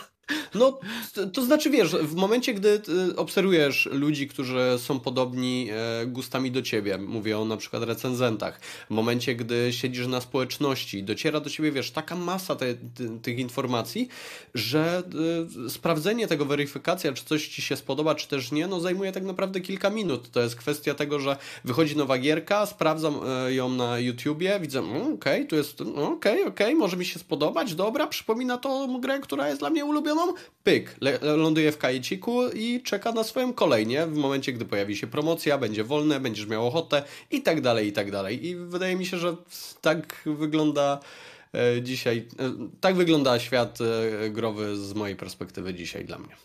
Mhm. Gragi? Twoja kolej. U mnie tak samo w sumie, wiesz, po prostu przeglądam to, co mówię, gdzieś tam raz, że oczywiście mam swoje ulubione gdzieś tam gatunki, ale tak samo, po prostu oglądam wszystkie eventy, yy, wchodzę na portale growe yy, i po prostu cały czas jestem z tym na bieżąco, a jeżeli yy, najdzie mi jakaś ochota, bo czasami jest tak, że nie wiem, przyśni mi się coś typu chcę zagrać, nie wiem, horror, ale w którym nie uciekasz, tylko się bronisz, nie? No to po prostu wpisuję frazy typu horror with guns albo, nie wiem, Souls-like shooter i po prostu wyszukuję, nie? Tak czasami, że czasami coś mnie najdzie, a dzięki temu, że mamy dzisiaj YouTube'a, Twittera, Discorda, Watcha, to wystarczy po prostu przeglądać y, o czym się mówi i ja już wszystko wiem tak naprawdę i potem patrzę, czy jest to mój setting, czy nie jest mój setting, czy to jest gra, y, która mnie jakoś tam zainteresuje. Po prostu zaczynam czytać, grzebać o tym, a tak to tak samo. Trzymam rękę na pulsie, biorę sobie pięć tytułów, które ogram w ciągu roku i tyle, nie? Mhm. I potem robię sobie właśnie tę listę w Wordzie, którą e, potem właśnie egzekwuję, nie? Że dobra, to ograłem nawet właśnie w tamtym roku zacząłem robić tak, że zacząłem notować gry, które już skończyłem, ograłem, nie? I które gdzieś tam nawet sobie gdzieś tam personalnie, prywatnie oceniłem, nie? No dobra. Tak samo. E, więc y, mam nadzieję, Kamil, że to odpowiedziało ci na twoje pytanie. W normalnym, że tak powiem, w normalnej sytuacji przekazałbym jeszcze głos kolejnej osoby, która chce dorzucić to, coś do tematów nieplanowanych. I z, jeśli macie krótki temat, to mogę się na to zgodzić. No to ja mam jeden. Krótki? No tak, tylko myślę, że jak się rozpojemy, to może chwilę nam to zająć, ale niedługą, bo głównie ciebie i mnie będzie to interesowało. No Dlatego, to... że to jest temat battlefieldowy, mój drogi. E, nie wiem, czy słyszałeś, e, i nawet wstawiałem to na naszego Discorda, jak jeden z deweloperów e, odpowiedzialnych za nowego BFA spłakał się na Twitterze, że o Jezu, gracze mają za duże oczekiwania, za duże wymagania do tej serii, do tego nowego tytułu i wiesz, my dopiero wróciliśmy z pracy, do pracy po przerwie świątecznej i to, co wy chcecie, tablice wyników, e, te różne feature'y, których nie ma w nowym BF-ie, one wymagają pracy, wymagają czasu, dlatego ich teraz nie ma, więc nie wymagajcie od nas wiele, nie? I i ludzie ich sprostowali, w tym Tom Henderson z DualShockera między innymi właśnie wyprostował go, że to nie tylko chodzi o to, ale też o to, że część, wiesz, komunikatów mieli już po prostu przygotowane wcześniej, że nie słuchają tego, co ludzie mówią no i jest jak jest, a potem, wiesz, no to, że na przykład zabierają nam tryby, które nam się spodobały, bo chcą, żeby były czasowe, no to, to też wszystko się składa na to, że jest jak jest. Dlatego jestem ciekaw, co ty o tym myślisz, nie? Bo chłopaki pewnie nie grali w nowego BF-a za bardzo, więc nie wiedzą. Nie grałem, ale mam opinię na ten temat. No nie może. Wszyscy mają opinię na ten temat. Wydać, e, najpierw wydać, a potem naprawić tą grę. I że będzie ta gra naprawiona za dwa albo trzy lata, zaraz po premierze e, następnego Battlefielda, no to mm, cykl się dopełnił. A, a, a, ludzie, a ludzie już zapłacili za to 350 zł i teraz grzecznie czekają. no i czy uważasz, że właśnie y, wymagania, które stawiają przed deweloperem są brutalne, jak to deweloper nazwał, czy jednak są takie racjonalne? Jeśli ktoś oczekuje od deweloperów, aby pracowali przez okres świąteczny, no to według mnie jest debilem. No bo umówmy się, każdy zasługuje na spędzenie Jeśli ktoś oczekuje, że dostanie pełny, kompletny produkt na dzień premiery, to, to, jest to, jest bardzo inteligentną osobą. To a to, że e, tak jak mówiłem, wydać najpierw, a potem naprawić po premierze kilka miesięcy, no to... Jeśli mm. ktoś kupuje grę po ograniu bety za pełną cenę w e, premierę i oczekuje, że będzie lepiej działała niż beta, e, jest, jest debilem, no, to jest prawda. W sensie ludzie w sensie... często się nabierają na to, że nie e, to, to tylko beta, to tylko beta. E, sorry, gra wychodzi za miesiąc, ona nie będzie działać wiele lepiej, więc... Jeszcze chociaż gdyby tą roadmapę opublikowali, nie? Tak jak w W3, że w tym roku, w najbliższym pół roku robimy to, to i to będzie wtedy, wtedy i wtedy. Tak jak CD Projekt. Mamy problem z głowy. Tak jak EA tak jak... Anthem roadmapa była, a potem e, Square Enix z Marvel Avengers na ten rok. I Ej, dobra, e, Avengers... Czyli generalnie te mapy nie prowadzą donikąd. Nie, co?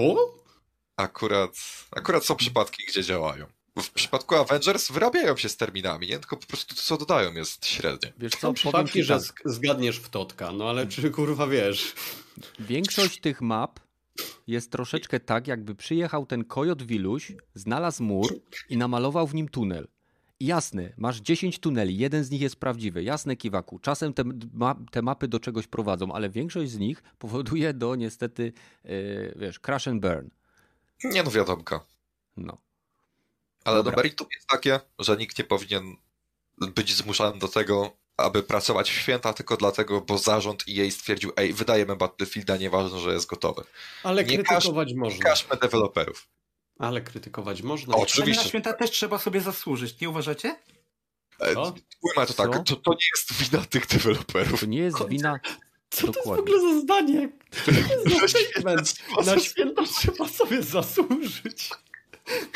Myślę, że ty... premię świąteczną sobie musisz zasłużyć, tak samo na to, żeby móc obchodzić święta, musisz sobie zasłużyć. Dobra, dobra, dobra. dobra. Okay. nie, skończ. Ale jest różnica między premią, a takim podstawowym urlopem, nie? Że nie, nie, pracujesz w Wigilię i w Boże Narodzenie, tak? W sensie, no, bardziej w Boże Narodzenie, aniżeli w Wigilię, ale wiadomo. Na resztę podcastu musicie sobie zasłużyć. No, na resztę, reszta podcastu jest za paywallem. No mm. chyba, że... Już jesteśmy na ekranie końcowym, panowie. Serio? O, serio. A, Nawet nie widzę, widzę, że dzisiaj się mega śpieszy, Kenneth. Bardzo Może... mi się spieszy, totalnie mi się spieszy. Jak słyszę, e, jak Gragi mówi, że na święta sobie trzeba zasłużyć, to stwierdziłem, że to jest dobry moment, e, żeby Ale... po prostu przejść do ekranu widzów. końcowego. Jak nie szanuję widzów? widzów? Proszę bardzo, Simuk pisze Mas... cancel Gragi. Ja cancel my subscription to your channel, Kenneth, skoro tak szanujesz widzów. You cancel no. your subscription to my channel, I cancel my subscription to your channel. Okay, na przepraszam, o, zapraszamy na Discorda, będziemy się tam kłócić jeszcze o wielu rzeczach, tak? Tak, no, wpadnijcie tak. do nas na Discord i słuchajcie, każdy, ludzie, którzy zostali teraz jeszcze, mam Kto dla został? was ostatni kod, ostatni kod na e, Star Wars Jedi Fallen Order na Origina, więc ci, co e, wytrzymali, proszę bardzo. Zasłużyli na kod! Zasłużyli na kod. Żeby nie było. Hello! Raptor się pyta o dowcip. Dowcip. A, A ty cholero. O ty cholero. Czekaj, Nie, dowcip, dobra. dowcip, dowcip. O, mam dowcip. Wiecie, y, co ma wspólnego y, papieros i chomik? Nie. Nie wiecie? Nie? Oba te y, przedmioty są relatywnie, niebezpie...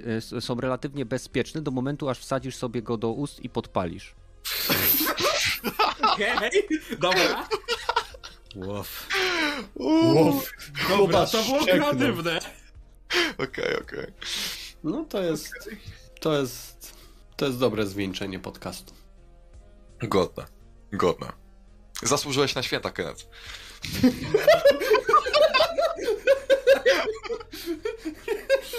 o mój Boże. To było lepsze.